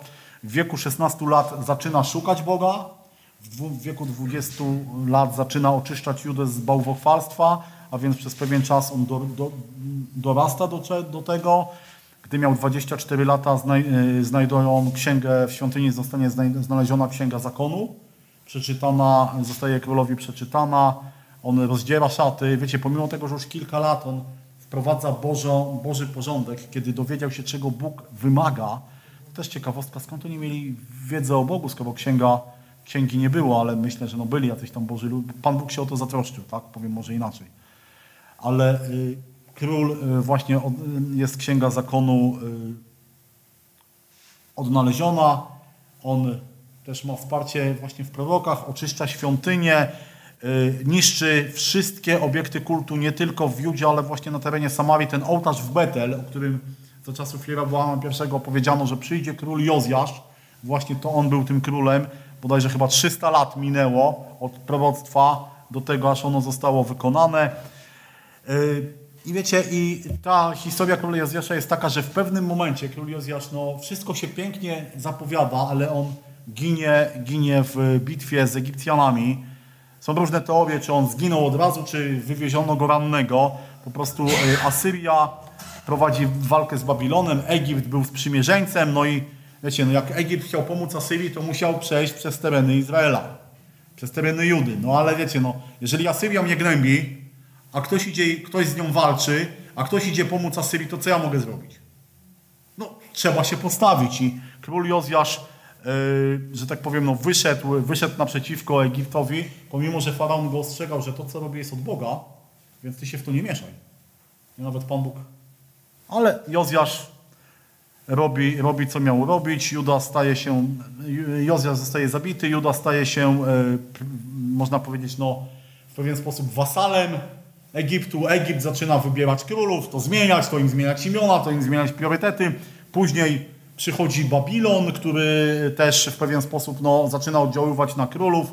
Królowie Judy, wiecie, są znowu a to z Egiptem, a to z Babilonem, a to próbujemy w ten sposób, a to w ten, zamiast przyjść do Boga, chociaż Pan Bóg ciągle powtarza, przyjdźcie do mnie, ale to nie.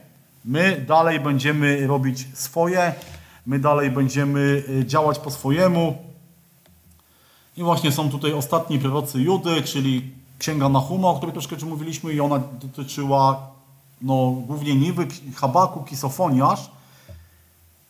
No to dobrze.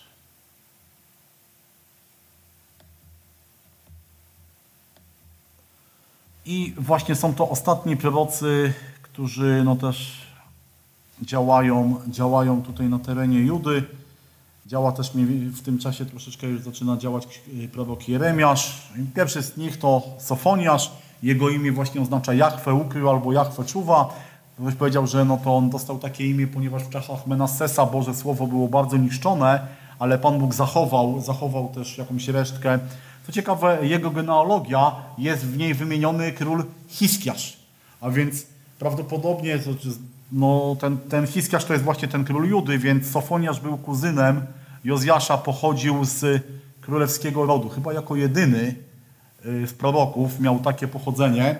Najprawdopodobniej mieszkał y, w Jerozolimie i jego służba jest w czasach właśnie króla Jozjasza, choć wydaje się, że y, Sofoniasz zaczyna działać, y, że jest starszy od y, Jozjasza i zaczyna działać, kiedy on właśnie w tym był mm, dzieckiem i przyjmuje się, że właśnie y, Sofoniasz był tym człowiekiem, którego Pan Bóg użył, żeby serce Jozjasza zostało pobudzone do e, szukania Boga, ponieważ Sofoniasz pisze o grzechach, które, które były, a które Jozjasz wytępił.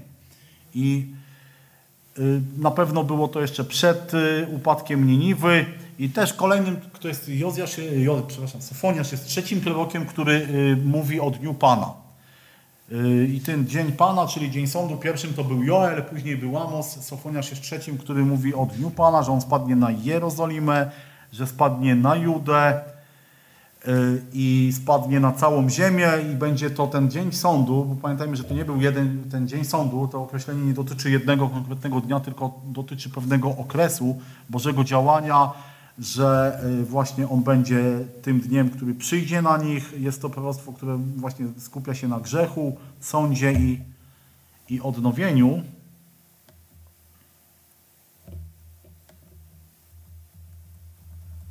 I dzień właśnie tutaj ta charakterystyka Dnia Pańskiego. Będzie to dzień sądu i Bożej odpłaty nad bezbożnikach. Będzie to dzień utrapienia, ucisku, ciemności i zagłady. Ludzie na całej ziemi lud, i w tym też lud Boży będzie, będzie zatrwożony. Wiecie, to nie jest tak, że Dzień Pański przyjdzie i nie, my jako ludzie wierzący nie będziemy zatrwożeni tym, co się dzieje, bo będziemy. Zresztą dzisiaj, słuchajcie, ile razy jest tak, że jakikolwiek mały problem naszego życia spotyka, też czujemy się zatrwożeni, ale w tym dniu zachowani będą pokorni, szukający Boga i starający się czynić sprawiedliwość. Następstwem Dnia Pańskiego albo pewnym, pewnego okresu Dnia Pańskiego będzie nawrócenie narodów, ukaranie wrogów Bożego ludu, nawrócenie się resztki y, Izraela, przyjście Mesjasza i zabranie powrót Izraela. No i tutaj większość uważa, że dotyczy to tego okresu tysiącletniego y, królestwa. I co ciekawe, y, ta księga jest takim typem proroctwa złożonego. Nie wiem, czy już mówiłem o proroctwie złożonym. To jest takie proroctwo, które zaczyna się wypełniać, ale jeszcze nie wypełniło się do końca. Albo jego część się wypełniła, część czeka na wypełnienie, albo można powiedzieć w kilku, w kilku warstwach ono się wypełnia i właśnie Dzień Sądu spadł na Jerozolimę, kiedy została zdobyta, ale cała ziemia czeka jeszcze na ten Dzień Sądu. Sofoniarz przepowiada odrodzenie Bożego Ludu, które nastąpiło, gdy wrócili z niewoli babilońskiej, ale jeszcze nie nastąpiło w całości. Jeszcze Izrael nie wrócił do tego, którego przebodli. I proroctwo Sofoniasza spełni się w czasach ostatecznych, podczas powrotu Pana Jezusa i tysiącletniego królestwa. I tutaj jakby taka puenta tej księgi, że sprawiedliwy sąd pański dosięgnie każdego i nikogo nie oszczędzi. Jeżeli serce człowieka nie nawróciło się do Boga, to nie pomoże mu ani pozycja społeczna, ani mądrość, ani bogactwo. Księga Habakuka, czyli już zbliżamy się powoli do końca Królestwa Południowego. Jeszcze potem zostaną nam prorocy powrotowi. Nie wiem, jak za szybko to powiedzcie, bo ja wiem, ile jeszcze jest materiału. Imię oznacza pieścić lub obejmować. Być może e, był muzykiem, ponieważ e, w jego księdze pojawiają się takie sformułowania, które też e, są w księgach psalmów, właśnie kierownikowi chóru na instrumenty. Prawdopodobnie mieszkał w Jerozolimie, był świadkiem i uczestnikiem reform króla Jozjasza. Ale co ciekawe, księga Habakuka jest taką księgą, w której pokazuje bardzo bliskie relacje właśnie Habakuka z Bogiem. Wiecie, to nie był tylko taki człowiek, który dostał zadanie i miał iść i tam im natłuc do głowy, bo żaden prorok tak nie działał, ale Habakuk jest w sposób szczególny taki właśnie prorokiem, który, który ma taką żywą relację. Nie? On właśnie tutaj wypisane jest kilka takich jego, jego zwrotów, o którym, w których on zwraca się do Boga. Nie mówi, Panie Boże mój, Panie święty mój, Panie skało, będę radował się w Panu, będę weselił się w Bogu. Bóg mojego zbawienia, wszechmogący jest moją mocą, więc jest to, jest to człowiek, który, wiecie, y, jest bardzo zaangażowany w relacje, w relacje z Bogiem. On po prostu żyje Bogiem. No, słuchajcie, no nie można być Bożym człowiekiem i nie żyć Bogiem, bo to się nie da, tak? Jeżeli ktoś jest, mówi o sobie, jestem Bożym człowiekiem, to on żyje tym Bogiem. I właśnie Habakuk chyba jest jednym z takich proroków, który najbardziej tak pokazuje ten swój związek, taki wiecie, taką społeczność, taką intymność nawet z Bogiem. I y, jest to prorok, który, no mówię, działa, działa już w tym okresie Y, samego, samego końca, kiedy już właściwie no, Babilończycy y, już y, nawet nie, wiecie, bo to nie jest też tak, że, że Jerozolima upadła, kiedy spalono świątynię. Ona już troszeczkę wcześniej została zdobyta i Babilończycy wprowadzili tam swoje rządy.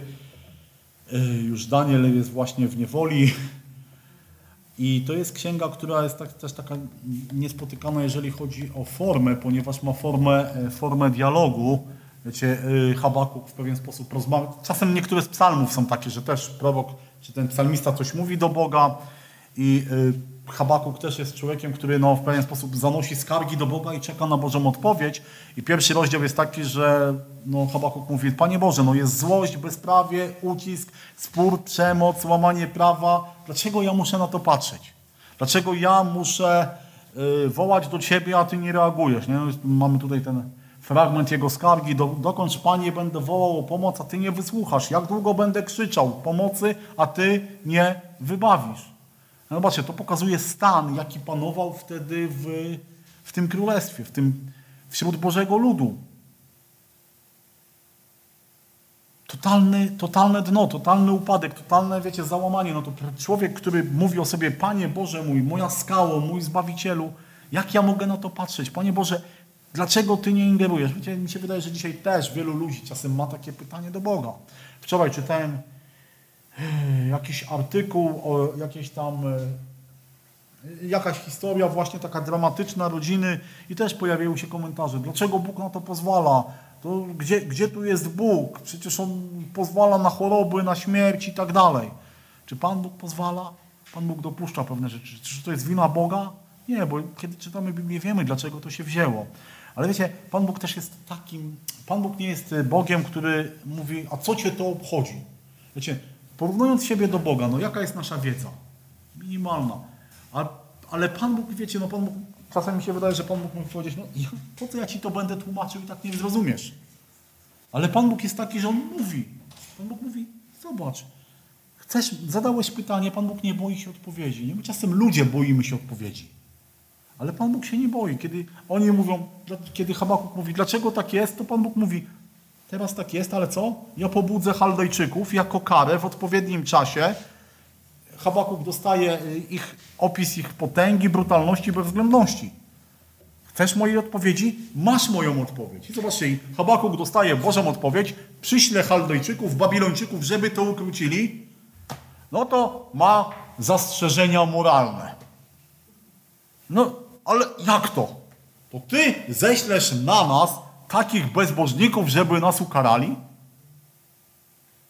To ty ześlesz na nas tych, żeby oni nad nami zatriumfowali. No jak ty możesz, Boże, na to patrzeć? No właśnie, jacy, jacy jako ludzie jesteśmy. Najpierw chcemy, Boże, interweniuj, Boże, pomóż, Boże, wypleń to zło. No jak Pan Bóg mówi, dobra, będzie to tak, a mi się to nie podoba. Dlaczego? No nie wiem, czy Habakuk chciał, żeby on sam, po prostu, żeby Pan Bóg powiedział, weź Habakuk miecz, tak jak kiedyś Mojżesz, skrzyknij kilku i zróbcie porządek. Pan Bóg mówi, Habakuk mówi, no jak, jak ty możesz? I Pan Bóg mu znowu odpowiada. Odpłata spadnie na Babilon również w swoim czasie, w odpowiednim okresie. To, to też znowu proroctwo, które odnośnie Babilonu też się spełniło. Panu też pokazuje, że w upadłym świecie Bóg panuje nad tym, co się dzieje. My dzisiaj nam się czasem wydaje, że Pan Bóg zapomniał, że Pan Bóg stracił kontrolę, że to się dzieje gdzieś poza Bogiem. Nie, Pan Bóg doskonale panuje. Pan Bóg panuje nad wojną w Ukrainie. Pan Bóg panuje nad innymi rzeczami. Pan Bóg panuje nad tym, co się jeszcze wydarzy. To nie, nie wymknęło się gdzieś spod kontroli. Nie, to wszystko jest w Bożym planie. I Pan Bóg właśnie czasem używa zła do realizacji swoich celów, ale ono też zostanie osądzone. To nie jest tak, że zło się rozpierzchnie, że nie będzie kary. No macie tutaj taki kluczowy werset jest Habakuka 4:2. Oto człowiek niesprawiedliwy nie zazna spokoju duszy, ale sprawiedliwy z wiary żyć będzie. I zobaczcie, jest kilka fragmentów w Nowym Testamencie, gdzie to, gdzie ten, gdzie to jest pokazane. List do Rzymian 1,17, bo usprawiedliwienie Boże w niej bywa objawione z wiary w wiarę, jak napisano, a sprawiedliwy z wiary żyć będzie. List do Galacjan, a że przez zakon nikt nie zostaje usprawiedliwiony przed Bogiem, to rzecz oczywista, bo sprawiedliwy z wiary żyć będzie. List do Hebrajczyków, a sprawiedliwy mój z wiary żyć będzie, lecz jeśli się cofnie, nie będzie, nie będzie dusza moja miała w nim upodobania. I to jest, słuchajcie, ciekawostką, że ten werset tak naprawdę stał się e, jednym z filarów reformacji. Słowo to sola fide, tylko wiara, usprawiedliwienie tylko z wiary jest właśnie z listu z proroctwa Habakuka, dlatego też Habakuk nazywany jest dziadkiem reformacji. Też nie wiedziałem, też się dowiedziałem. I y, co, czego uczy nas Księga Habakuka? Właśnie ten trzeci rozdział to jest taki hymn, który wychwala Boga, wychwala Boga, że tak jak mówiłem, Bóg czyni wszystko w odpowiednim czasie na swoją chwałę. I to jest też bardzo ważne, że to jest wszystko na Bożą chwałę. Czasem nie rozumiemy, dlaczego Bóg tak działa, na coś pozwala, ale wiecie, nasza wiara nie może opierać się na, na aktualnych okolicznościach. Wiara ma rosnąć, ale wiara nie ma być zmienną. Wiara ma być stała i ma wzrastać. Nasze zaufanie do Boga najbardziej, kochani, objawia się nie w momentach, kiedy jest nam dobrze, kiedy wszystko rozumiemy, ale w chwili, kiedy nie rozumiemy i musimy zaufać. Wtedy się rozwija nasza wiara. Zadawanie pytań Bogu, kwestionowanie tego, co robi, nie jest zakazane. Gdzie nam się czasem wydaje, że Pan Bóg to jest taki surowy nauczyciel, który nie znosi sprzeciwu. To my czasem jesteśmy tacy. Jak ktoś się nas pytał taką rzecz oczywistą, ja byłem, dlaczego tak? Jaka jest najlepsza odpowiedź? Bo tak. Najlepsza odpowiedź rodzica do dziecka. Dlaczego? Bo tak. I to ucina wszelkie dyskusje. No, słuchajcie, jakby tak to Pan Bóg nam czasem odpowiadał, bo tak. I spełnione, y, spełnione i spełniane proroctwa. Y, Zapowiedź zniszczenia Jerozolimy spełniło się za niecałe 30 lat od momentu y, wypowiedzenia. Zapowiedź zniszczenia Babilonu około 100 lat. Zapowiedź usprawiedliwienia z wiary spełnia się każdego dnia dla każdego, to, kto przychodzi do Pana Jezusa. Tak niesamowicie, niesamowicie Pan Bóg działa. Habakuk jest ostatnim prorokiem z Królestwa Północnego. Później przychodzą Babilończycy. Tutaj to jest taka, taki skrót historyczny, tak naprawdę właśnie trzy deportacje, czyli trzy uprowadzenia Bożego Ludu. Pierwsze uprowadzenie to Nebuchadnezzar, on przychodzi, zabiera część rzeczy, yy, ustanawia swojego króla. Yy, Daniel już jest w Babilonie, za, troszkę później kolejne uprowadzenie, tym razem Ezechiel się doda- dostaje do Babilonu. No i ten 15 styczeń 588 rok, Babilon oblega Jerozolimę, po raz ostatni bunt Jerozolimy, 19 lipiec 586 rok, czyli 10, 10, 9 dzień miesiąca Ab. Świątynia zostaje spalona. y, Kolejna y, grupa zostaje uprowadzona do Babilonu. Zostaje tam ustanowiony namiestnik. Zostaje też y, Jeremiasz w tym w Jerozolimie. Ale oni znowu się buntują, zabijają tego Gadaliasza, który jest namiestnikiem, zabierają Jeremiasza, uciekają do Egiptu. Izrael, pozostali, Juda znajduje się w niewoli, w niewoli babilońskiej. Ona zgodnie z zapowiedzią miała trwać ile? 70 lat. I y, sytuacja, podzieliłem tak, sytuacja duchowa, naród był zdruzgotany tym, co się stało. Pamiętacie, oni cały czas mówili, mamy świątynię, to nic nam się stać nie może. A tu Pan Bóg powiedział, że to, to nie w świątyni ma być wasze zaufanie, to na świąt, nie świątynia wami się, nie wiem, was zbawia, was chroni, ale wasze posłuszeństwo mojemu słowu. I brak świątyni, prawda, nagle się okazuje, ona nie gwarantowała bezpieczeństwa, została zniszczona, spalona. Yy, ale wiecie, no, wszystko ma swoje dwie strony, tak? I niewola babilońska też miała tą taką dobrą stronę, jeżeli chodzi o sprawę duchową, bo właśnie pojawiły się, nie mogli zabrać ze sobą świątyni, jedyne co mogli zabrać ze sobą to były pisma. I tam w Babilonie tak naprawdę ten y, jakby judaizm Nowego Testamentu narodził się tam. Synagogi, uczeni w piśmie, y, powrót do, powrót do słowa właśnie było, było tym, że oni byli w Babilonie. Gdyby oni zostali w Jerozolimie, pewnie nikt, nic takiego by się nie wydarzyło. Ale oni wracają do Babilonu, znaczy idą do Babilonu, tam następuje yy, odnowa duchowa tego narodu. Tam też działają i Daniel, i Ezechiel, prorocy, wielcy prorocy. I po prostu w pewnym, w pewnym momencie, kiedy oni są już gotowi, mogą wrócić. Też sytuacja materialna no, różniła się bardzo od niewoli w Egipcie, bo w Egipcie oni byli gnębieni i tak dalej, i tak dalej.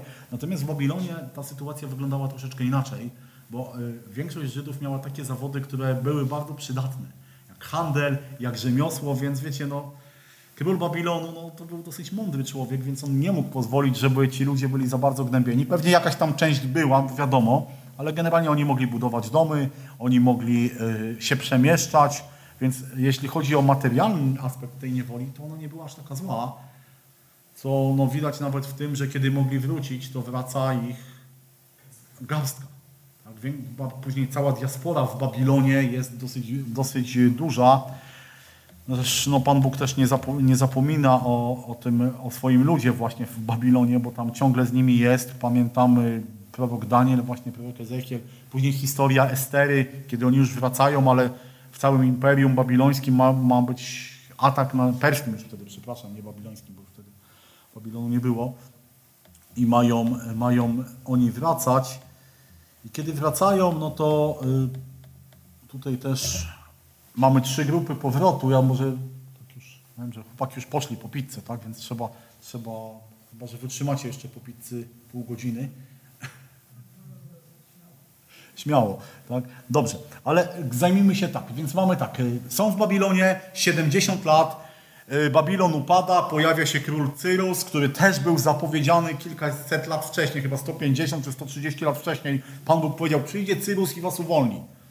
Z Babilonu, oni nawet nie wiedzieli, że coś takiego chyba istnieje wtedy jeszcze. Ale Pan Bóg spełnia tą swoją, swoją obietnicę. Wracają znowu w trzech grupach, tak jak zostali zabrani. Pierwsza grupa pod dowództwem Zorobabela i kapłana Jozułego, czy też Jeszui. Później druga grupa pod y, przewodnictwem Ezdrasza. No i trzecia grupa, kiedy przybywa Nehemiasz. I tak naprawdę zostało nam trzech proroków, tak zwanych proroków powygnaniowych, którzy, którzy działają, których Pan Bóg jeszcze pobudził i jakby ich, ich działanie, ich y, proroctwa, ich, ich poselstwo związane jest właśnie z tym, co mieli zrobić, bo po co mieli wrócić? Pan Bóg powiedział, że macie wrócić i ten edykt Cyrusa mówi, wróćcie i co zróbcie? Zbudujcie świątynię Bogu. Odbudujcie świątynię. I oni wracają i kiedy wrócili, po siedmiu miesiącach jest pobudowany ołtarz, zaczyna, zaczynają składać się, yy, zaczynają, no same, nie, nie, nie same, ale zaczynają składać ofiary. Yy, potem yy, przychodzą ci, którzy mieszkali w pobliżu i mówią, my chcemy budować z wami. Yy, oni mówią, nie, to jest nasz Bóg, ale my wyznajemy takiego samego. No nie do końca, nie zupełnie, więc oni nie chcą jest bunt, jest sprzeciw, więc budowa znowu zostaje yy. Oni się w pewien sposób no, boją, przestraszyli się. Świątynia Boża leży ugorem. Oni zaczynają zajmować się swoimi sprawami. Nie wiem, czy pamiętacie, ostatnio też dzieliłem się księgą Ageusza. Tam właśnie to było, że jak długo jeszcze dom Boży ma leżeć odłogiem, a wy mieszkacie w domach z kości słojowej, wykładanych tafelkami i tak dalej. Tak? Więc e, świątynia leży, Pan Bóg powołuje proroków, dwóch, Ageusza i Zachariasza i to są prorocy, którym Pan Bóg mówi, weźcie w końcu, potrząśnijcie tym ludem, ponieważ przyszli tutaj w pewnym zadaniu, pewną rzecz, a, a jej nie ma. I Pan Bóg właśnie powołuje najpierw ich dwóch, a więc Ageusza i później i właściwie w tym samym czasie chyba kilka miesięcy później Zachariasza, żeby pobudzili ten, ten lud do odbudowy. I to znowu są prorocy, którzy odnieśli sukces, ponieważ ich proroctwo spowodowało to, że ta praca po kilkunastu latach rusza, świątynia zostaje odbudowana i księga Ageusza, jej autor, jego imię oznacza świąteczny, uroczysty, może być też tłumaczone jako święto Jachwę. Y, należał do powracających z niewoli Żydów, prawdopodobnie wrócił z pierwszą grupą. Niektórzy mówią, że mógł urodzić się w Babilonie, ale też, że mógł być jeszcze człowiekiem, który pamiętał świątynię Salomona. Różne, różne teorie, myślę, że nie, nie, nie wiadomo, która jest, y, która jest lepsza, tak, ale to nie, jest, to nie jest ważne. Ważne jest to, że y, jakie miał poselstwo. Tutaj też mamy fragment z Księgi Ezdrasza, który pokazuje właśnie, że wystąpił prorok Ageusz, Zachariasz y, i prorokowali Żydom w Judei, w Jerozolimie w imieniu Boga Izraela, który był nad nimi. I Bóg posłał właśnie y, ich, to ciekawe, kiedy jest to, Księga Ageusza jest księgą, którą możemy, że tak powiem, kiedy jego proroctwo się zaczęło podać co do dnia. E, księga rozpoczyna się pierwszego dnia szóstego miesiąca panowania króla, czyli 29 sierpnia 520 roku przed naszą erą. E, kończy się 24 dnia 9 miesiąca drugiego roku rządów Dariusza, czyli proroctwo Ageusza tak naprawdę zamyka się w czterech e, miesiącach. Dobrze, skończmy Ageusza, zrobimy przerwę, zostanie nam dwóch. I tak, Ageusz jego księga składa się z czterech y, takich kazań, które wygłosił właśnie po tym, jak otrzymuje słowo od Boga. Y, dotyczy świątyni w Jerozolimie i odbudowy. Tak jak powiedziałem, 14 lat zajęło im, nim znowu y, zaczęli budować. Mieli budować, a tutaj, tak jak też, też wspominałem, właśnie zaczęli zajmować się innymi, innymi sprawami, mówili to jeszcze nie czas, jeszcze nie pora. Wiecie, tak naprawdę żadna, jeżeli człowiek chce podjąć Boże dzieło, to szatan będzie mu mówił, że nigdy nie jest dobra pora. Może być za ciepło, za zimno, za wietrznie, za deszczowo, zbyt słaby, zbyt mocny i tak dalej, i tak dalej. Nie mam, zobaczcie, tak działa, tak to działa. Szatan zrobi wszystko, żeby pokazać, że to jeszcze nie jest czas zajmowania się Bożymi rzeczami. Człowiek ma pragnienie, człowiek wie po co, człowiek wierzący jest wie, do czego jest powołany, a szatan zawsze przyjdzie i powie, ale po co, ale poczekaj, ale nie dziś, ale od jutra zacznij, a może to, może tamto. I, my oczywiście jako ludzie mamy, wiecie, no możemy powiedzieć, no faktycznie, no to jeszcze nie pora. Wiecie, no, żadna, człowiek jest taki, że kiedy musi coś zrobić, to żadna pora nie jest dobra. No, jak, jak nie muszę, to nie robię.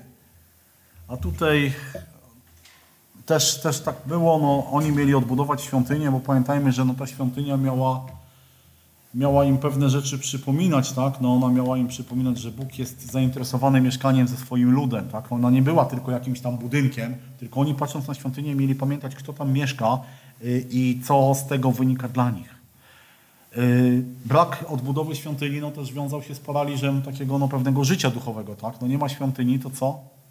No to nie musimy, no to nie musimy, no wiecie, no nie musi, teraz mamy wszystko nagrywane w internecie, nie musimy chodzić do kościoła, do zboru, mamy internet, tak? No i też dla nas, no świątynia jest ważna, bo pamiętajmy, że no my jesteśmy pewnym, pewnym odnośnikiem, pewnym obrazem świątyni, tak? No i służba Pana Jezusa też była w świątyni, gdyby jej nie odbudowano, nie, to też może tak szatan pomyślał, że a jak nie odbudują, to Mesjasz nie przyjdzie. Ale Pan Bóg to zrobił inaczej. Właśnie kazań, Ageusz mówi takie kazania, które mówi, no odbudujcie świątynię, bo co?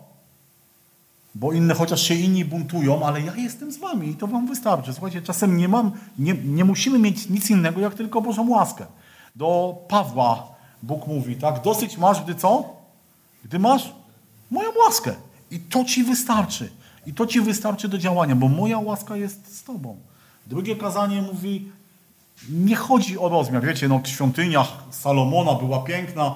Oni postawili taki, no w porównaniu z świątynią Salomona to jakaś taka szopa bardziej, tak? Ale Pan Bóg mówi, słuchajcie, nieważne jak ona wygląda, ważne kto w niej przebywa. Nieważne ile złota ona ma na sobie, bo moje jest złoto. Jak ja będę chciał, to ja ją wyposażę. I to za, za czasów Heroda Pan Bóg tą świątynię, którą oni postawili, tak przyozdobił, że była ósmym cudem świata. Ale ważne jest to, że ja w niej przebywam. Nie? I to też taka analogia do naszego życia. My czasem byśmy chcieli mieć, o, być obdarowany jak ten brat, albo mieć to jak tamta siostra. Słuchajcie, nie jest ważne. Pan Bóg dał nam tyle, ile uważał, że jesteśmy w stanie znieść, móc i zrobić dla Niego. I ktoś kiedyś słyszałem takie kazanie odnośnie darów Ducha Świętego, że jakie dary są najbardziej pożądane? Nie, te, które mają inni ludzie. I bardzo często stajemy i mówimy, jak ja bym miał to, co on czy ona, jak ja bym Tobie Boże służył. Albo jak ja bym był, nie wiem, jak Mojżesz. Albo jak, nie wiem, no Ageusz. Jak ja bym Tobie, Panie Boże, służył, gdybym miał takie dary. No ale Mojżesz już był, Ageusz już był, Jacek, Placek też już byli, albo są, mają swoje dary i my jako ludzie czasem lubimy patrzeć na innych. A, jaki ale nie, Pan Bóg ci nie dał, dał ci coś innego, co z tym zrobisz? Nie jest ważne, co jest w świątyni, jaka jest ta świątynia z zewnątrz, ale ważne, kto w niej przebywa. I to jest właśnie też kazanie z Zageusza. Trzecie kazanie, ja ześlę błogosławieństwa, jeżeli będziesz słuchał i odbudowywał świątynię. Ja wam pobłogosławię, pomimo różnych trudności, pomimo tego, że yy, jest, jest tak, jak jest. Tak? To jest to słynne. Zwróćcie uwagę, jak wam się powodzi. Nie? I czasem my jako ludzie lubimy narzekać. Tak? No, jako ludzie. lubimy narzekać i tyle. Nie mówimy, o, ale kiedy poddajemy się Bogu, kiedy Pan Bóg zaczyna robić pewne rzeczy w naszym życiu, pozwalamy Mu, żeby je robił, to wiecie, widzimy to Boże błogosławieństwo. Pan Bóg mówi, pozwól mi działać. Wiecie, bo to nie jest tak, że Pan Bóg mówi, o, ja wejdę i zrobię porządek. Nie, Pan Bóg mówi, pozwól mi. Ja pobłogosławię i zobaczysz, jak to się zmieni. Myślę, że najlepszym przykładem tego jest w ogóle samo nawrócenie, tak? Kiedy żyjemy bez Boga, jak wygląda nasze życie i kiedy pozwolimy Panu Bogu wejść i zrobić zmiany. Pan Bóg mówi, ja wam pobłogosławię. I czwarte kazanie to jest też takie proroctwo, kiedy Pan Bóg mówi o Zorobabelu, o tym swoim namiestniku i przyrów, przyrównuje go do, do sygnetu. Wiecie, i sygnet to był takim dowodem, takim oznaką władzy. Kiedy syn marnotrawny wraca do domu, to co dostaje? Dostaje pierścień, tak? bo tym pierścieniem się pieczętowało to. Jak się podpisywało dokumenty, to sygnet się odciskało, to była pieczęć. I Pan Bóg mówi, że ja pobłogosławię, że Ty Zorobabelu będziesz rządził, ale tak naprawdę to jest też taki obraz, obraz i typ Pana Jezusa. To w Twoje kompetencje wchodzę. Ale to jest taki typ Pana Jezusa, że tak jak Zorobabel jest takim typem, że Pan Bóg postawi swojego sługę, postawi tego cierpiącego sługę, który będzie, będzie Panem. I jak Geusz, mówię, odniósł sukces, Zorobabel jest typem Pana Jezusa, ludzie ze wszystkich narodów przyjdą, aby oddać Mu cześć, bo też Księga Ageusza to mówi, że przyjdą, oddadzą mi cześć wszystkie narody. I dzisiaj w Chrystusie wszystkie narody oddają cześć Panu Bogu. I taka księga, właśnie to, co też się dzieliłem na jakimś na usłudze, że jeżeli chcesz mieć błogosławioną relację z Bogiem, to uporządkuj swoje priorytety. I takie oznaki przebudzenia czy uporządkowania tych priorytetów właśnie zaczynają się od uważnego słuchania Bożego Słowa. Bo skąd mamy wiedzieć, co Bóg od nas chce? No, jeżeli słuchamy Jego Słowa, jeżeli mamy kontakt, społeczność z Jego Słowem. Znowu ja się powtórzę, ale pamiętacie, co Wam mówię, że żadne kazanie, żaden wykład, żadna konferencja, nigdy, ja to mówię, będę powtarzał, nie wiem, może daj Boże do śmierci, nigdy nie zastąpi osobistego czasu spędzonego z Bożym Słowem.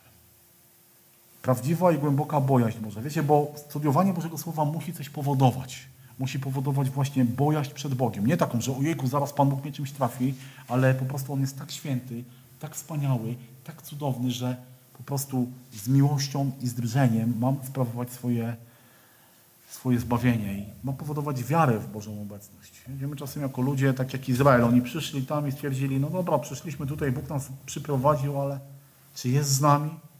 Jest z nami. Boże Słowo no, wymaga rzeczywistego posłuszeństwa. Wiecie, bo my jesteśmy czasem tacy posłuszni intelektualnie. Tak, Panie Boże, ja się z Tobą zgadzam. No, dziwne, żeby się z Bogiem nie zgodzić, tak? Ale, ale ja tak nie zrobię.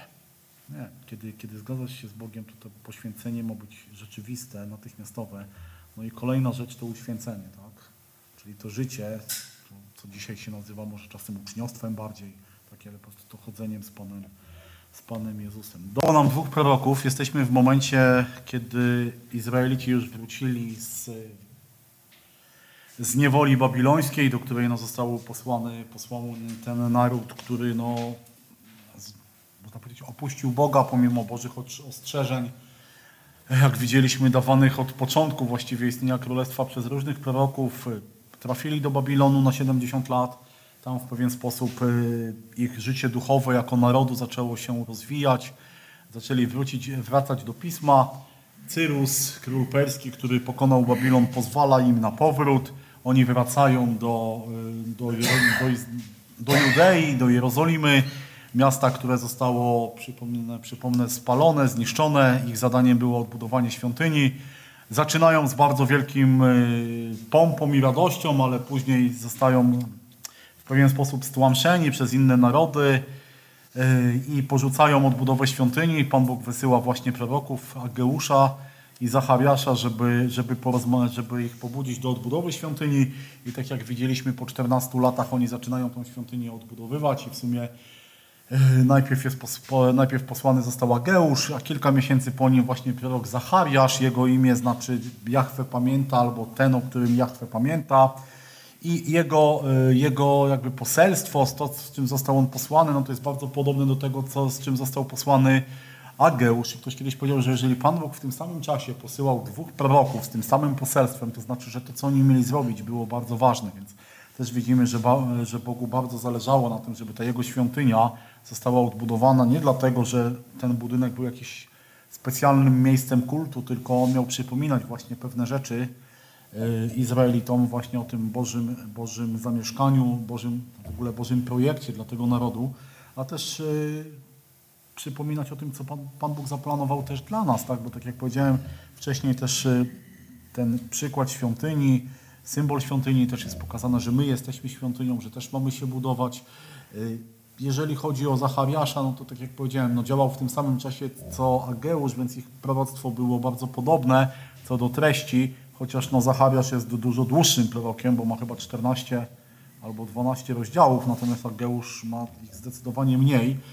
Yy, Troszeczkę później zaczął działać niż Ageusz, bo jakieś dwa miesiące po nim, natomiast jego działalność trwała troszeczkę dłużej, bo Ageusz, proroctwo Ageusza zajmu, zajęło się w czterech y, miesiącach, natomiast proroctwo Zachariasza to jest mniej więcej y, około dwóch lat i ta księga ma taki bardzo wyraźny podział na takie pierwsze, na, od, ósm- od pierwszego do ósmego rozdziału i od dziewiątego do czternastego i się przyjmuje, że te, te rozdziały od dziewiątego powstały już po odbudowie, odbudowie świątyni, no ale tematy, tak jak powiedziałem, są podobne. Zachar- Zachariasz też wzywa do tego, żeby Żydzi powstali, odbudowali świątynię. Yy, Ma, ma też taki wydźwięk, że ta księga ma ich pocieszyć i zachęcić właśnie do duchowego odnowienia, ale też yy, w księdze Zachariasza jest bardzo dużo proroc dotyczących właśnie przyjścia Mesjasza i one były przekazane temu narodowi właśnie po to, żeby y, oni zaczęli tęsknić za, za królem, za Mesjaszem. Też tu jest używany bodajże Dzień Pański, więc taki ten, ten dzień powrotu, więc wiecie, świątynia miała być jakby odbudowana na przygotowanie przyjścia y, swojego króla. I y, tutaj mam, mam podział na tą księgi historycznej, yy, część historyczną, czego ona dotyczyła i czego było symbolem, więc to ewentualnie dam Wam w materiałach, tak, to sobie będzie można popatrzeć. Natomiast bardzo ważną rzeczą jest to, że w tej części tej od, od dziewiątego rozdziału jest taka część bardziej apokaliptyczna, dotycząca czasów przyszłych, dlatego też yy, w tej księdze jest bardzo dużo odniesień odnośnie odniesień przyjścia Pana Jezusa i tak naprawdę chyba tylko u Izajasza jest więcej wskazówek, więcej rzeczy mówiących, jak, y, jak będzie to wyglądało, jeżeli Chrystus przyjdzie. I właśnie tutaj jest takich osiem, ich jest chyba więcej nawet, ale ja tak osiem wynotowałem, y, takich y, jakby pokazań, wska, wska, wskazań na Pana Jezusa. Pierwsze to jest to król jest pokorny i jedzie na źrebięciu oślicy. Pamiętamy na czym Pan Jezus wjechał do Jerozolimy? Właśnie na źrebięciu oślicy. Y, Też księga mówi, że Mesjasz będzie zdradzony i sprzedany, co ciekawe, za 30 srebrników. Tak? Że Mesjasz będzie potomkiem Dawida, że Żydzi będą patrzeć na tego, którego przebodli, czy też przebili, y, że będzie to sługa, która, który będzie latoroślą z pnia Jessego, że będzie to król, który będzie kapłanem, tak? No, w liście do Hebrajczyków mamy to bardzo ładnie pokazane, że Chrystus jest zarówno królem, jak i kapłanem. Pamiętajmy, że te dwa, te dwa y, te dwie funkcje nie mogły być połączone, tak? bo kapłani mieli pochodzić od Arona, natomiast, yy, czyli z pokolenia Lewiego, natomiast no, królowie pochodzili z pokolenia Judy. Yy, jest też informacja, że uczniowie będą rozproszeni, co też pamiętamy jak w ogrodzie Getsemane, kiedy przyszli po, po Pana Jezusa, to co się stało z uczniami, rozproszyli się. No i też jest jakby pokazane po, ponowne przyjście i panowanie Chrystusa w przyszłości. I księga Zachariasza jest taką uważaną, że jest to taka księga, starotestamentowa księga objawienia, ponieważ ona właśnie tak dużo mówi o tych czasach, czasach ostatecznych. No takie nau nauki płynące z księgi to jest właśnie to, że grzesznik musi się nawrócić do Boga, jeżeli pragnie, by Bóg zwrócił się do Niego. I oczywiście to jest też takie, że no, Bóg zwraca się do nas wcześniej, tak, bo przygotował Pana Jezusa, ale kiedy człowiek się nawraca, to Duch Święty zaczyna w nim pracować i, prawda, i człowiek ma dostęp, do Bo Bóg ma dostęp do naszego serca, a my mamy dostęp do Boga. Y, Druga rzecz, Bóg jest święty i będzie przebywał wśród swojego, i chce przebywać właściwie wśród, pośród swojego świętego ludu. To też jest bardzo ważne, że Bóg jest święty, to my pamiętamy, ale też musimy pamiętać, że Pan Bóg wzywa nas do tego, żebyśmy my też byli święci. Tak? List Piotra chyba mówi, świętymi bądźcie, bo ja jestem święty. No i trzecia rzecz, że szatan jest oskarżycielem braci, zaś Chrystus ich obrońcą. I tutaj jest taki właśnie ten fragment z księgi y, Zachariasza, że Jozue, arcykapłan, stoi przed aniołem Pana i szatan... Potem ukazał mi Jozue, arcykapłana, stojącego przed y, aniołem Pana i szatana stojącego po jego prawicy, aby go oskarżać. Wtedy anioł Pana rzekł do szatana, niech cię zgromi Pan, szatanie, niech cię zgromi Pan, który obrał Jeruzalem. Czyż nie jest on głową wyrwaną z ognia? Czyli szatan jest wcześniej też pokazywany jako oskarżyciel. Tutaj mamy ten, y, tego anioła Pana. Pytanie, czy to jest ten anioł Pana, czy ciężko, ciężko powiedzieć, czy to jest ten konkretny anioł Pana, ale całkiem możliwe. Ale tak jak wiemy, że jak szatan jest oskarżycielem, no to Chrystus jest też obrońcą. Obrońcą i kolejna rzecz, jedyną mocą i siłą, na której może polegać wierzący jest Duch Święty i myślę, że o tym też musimy pamiętać i dzisiaj mam nadzieję, że pamiętamy, że mamy Ducha Świętego, który też jest naszym przewodnikiem, który nas, nas y, prowadzi. I słuchajcie, dotarliśmy do ostatniego proroka, proroka Malachiasza. Jest to y, prorok, który jego księga jest ostatnią księgą Nowego Starego Testamentu. Jest to księga, która została napisana troszeczkę później niż księgi Ageusza i Zachariasza. Jego imię oznacza mój posłaniec albo mój anioł. Nic o nim tak naprawdę nie wiemy, o jego pochodzeniu, o jego rodzinie, skąd jest. Y, Gdzieś czytałem, że niektórzy mówią, że ten, to słowo mój posłaniec, że to był tylko tytuł, a nie imię własne. Y, Powiem tak, no, skoro wszystkie inne księgi y, prorockie mają jednak autorów, którzy byli rzeczywistymi osobami, nie wydaje mi się, żeby tutaj to było inaczej, więc musimy przy, przyjąć, że Malachiasz jest imieniem własnym. Y, Jego działalność, tak jak powiedziałem, jest troszeczkę później, prawdopodobnie za czasów powrotu Nehemiasza, więc tego trzecie, trzeciego powrotu, kiedy świątynia już jest y, dawno odbudowana, kiedy y, ofiary są składane.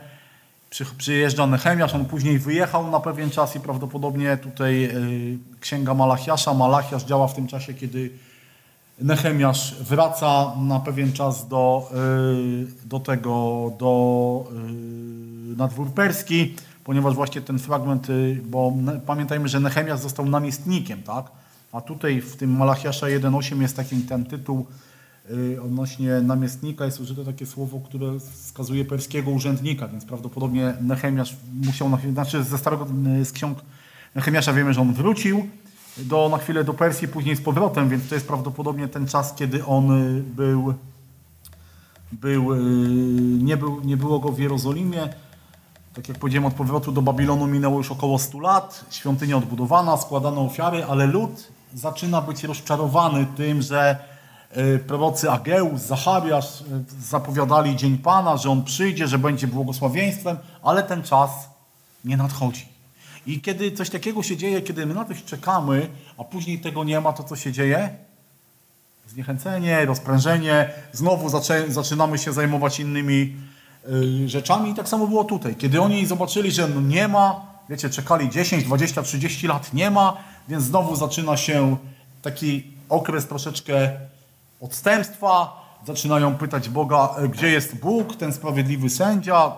W tej księdze mamy właśnie takie, taki y, głos ludu, daremny to trud służyć Bogu i zaczęli wracać do swoich starych grzechów. Wiecie, to jest tak, że człowiek, jeżeli y, nie zaczyna swojego życia wypełniać Duchem Świętym, nie zaczyna go wypełniać Bożą służbą, to zaczyna wracać do swoich grzechów. To jest tak samo w naszym życiu. Jeżeli my nie pilnujemy siebie, jeżeli nie rozwijamy społeczności z Bogiem, jeżeli się za, zadowalamy minimalizmem, to bardzo często, wiecie, jeśli jest minimalizm, to, to szatan wprowadzi maksymalizm.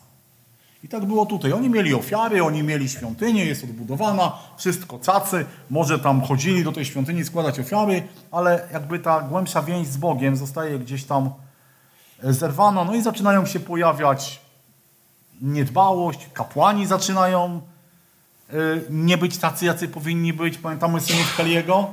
Oni też mieli być kapłanami, a potem ryba psuje się od głowy. Tak? Również kolejny problem, zaczynają się mieszane małżeństwa, to z czym walczyli, z czym Ezdr- Ezdrasz walczył, no, tak, zaczynają się z powrotem.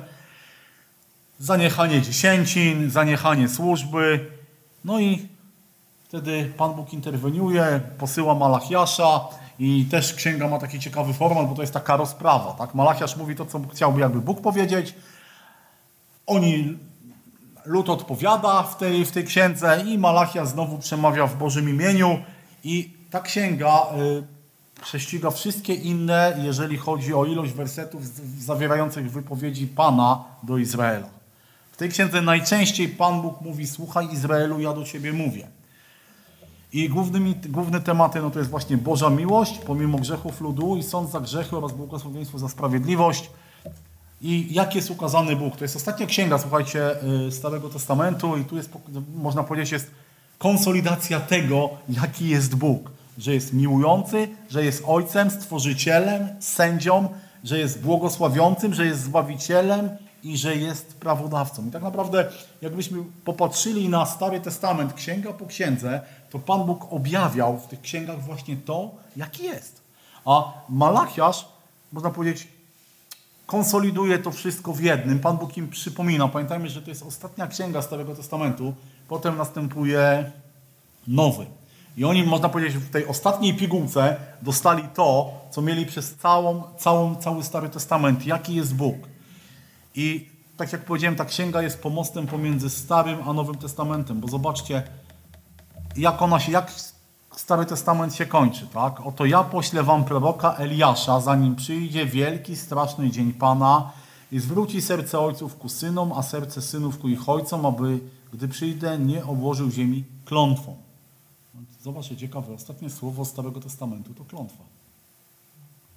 I Nowy Testament, jak się zaczyna, Ewangelia, początek, anioł zaś rzekł do, nie bój się Zachariaszu, bo wysłuchana została modlitwa Twoja i żona Twoja Elżbieta urodzi Ci syna i nadasz mu imię Jan i będziesz miał radość i wesele i wielu z jego narodzenia radować się będzie. Będzie bowiem wielki przed Panem i wina i napoju mocnego pić nie będzie, a będzie napełniony Duchem Świętym już w łonie Matki swojej.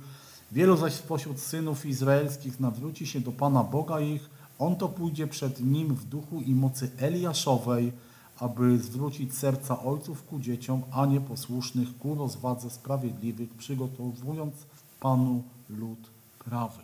Co ciekawe, trzeci rozdział Księgi Malachiasza zaczyna się właśnie od tego, że Jahwe Pan posyła posłańca przed Tobą, czy przede mną i każda Ewangelia zawiera ten cytat z Księgi Malachiasza.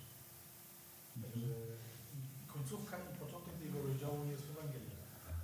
Dokładnie. Zobaczcie, no Pan Bóg, Pan Bóg można powiedzieć, wspaniale to zrobił, także ten Stary Testament kończy się tym, czym zaczyna się Nowy.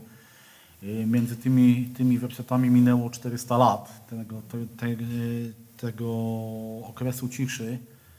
No ale wiecie, to, że Pan Bóg nic nie powiedział, to nie znaczy, że nie działał, bo to wszystko, tak jak powiedziałem, cała ta historia jest przygotowana dla Pana Jezusa. Kochani, no, z Bożą pomocą udało nam się prze, e, przebrnąć przez te dwa spotkania, przez tych proroków.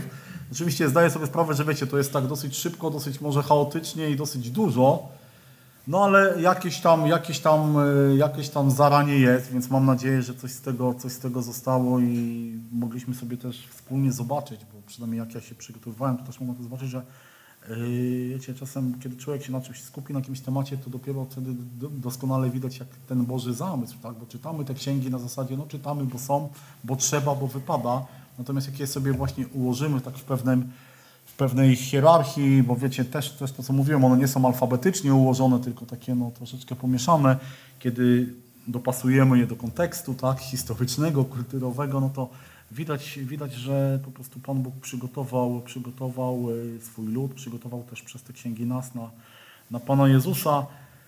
No cóż, tyle, tyle na dziś. Mam nadzieję, że coś tam zostanie. Jeżeli ktoś by chciał te materiały, te, które tutaj były wyświetlane, to, to ja oczywiście bardzo chętnie udostępnię. Dlatego nie dałem ich na początku, no bo to by było za łatwo, nie? Tak to coś, coś, trzeba, coś trzeba zrobić. No to, to, I tak to jest tam pewien tylko zarys, więc jak ktoś będzie chciał sobie tam dalej rozpracowywać, to jest, wiecie, taki fundament, że tak powiem. No, za miesiąc Daniel, tak, będziemy, będziemy mieli zajęcia z bratem Danielem.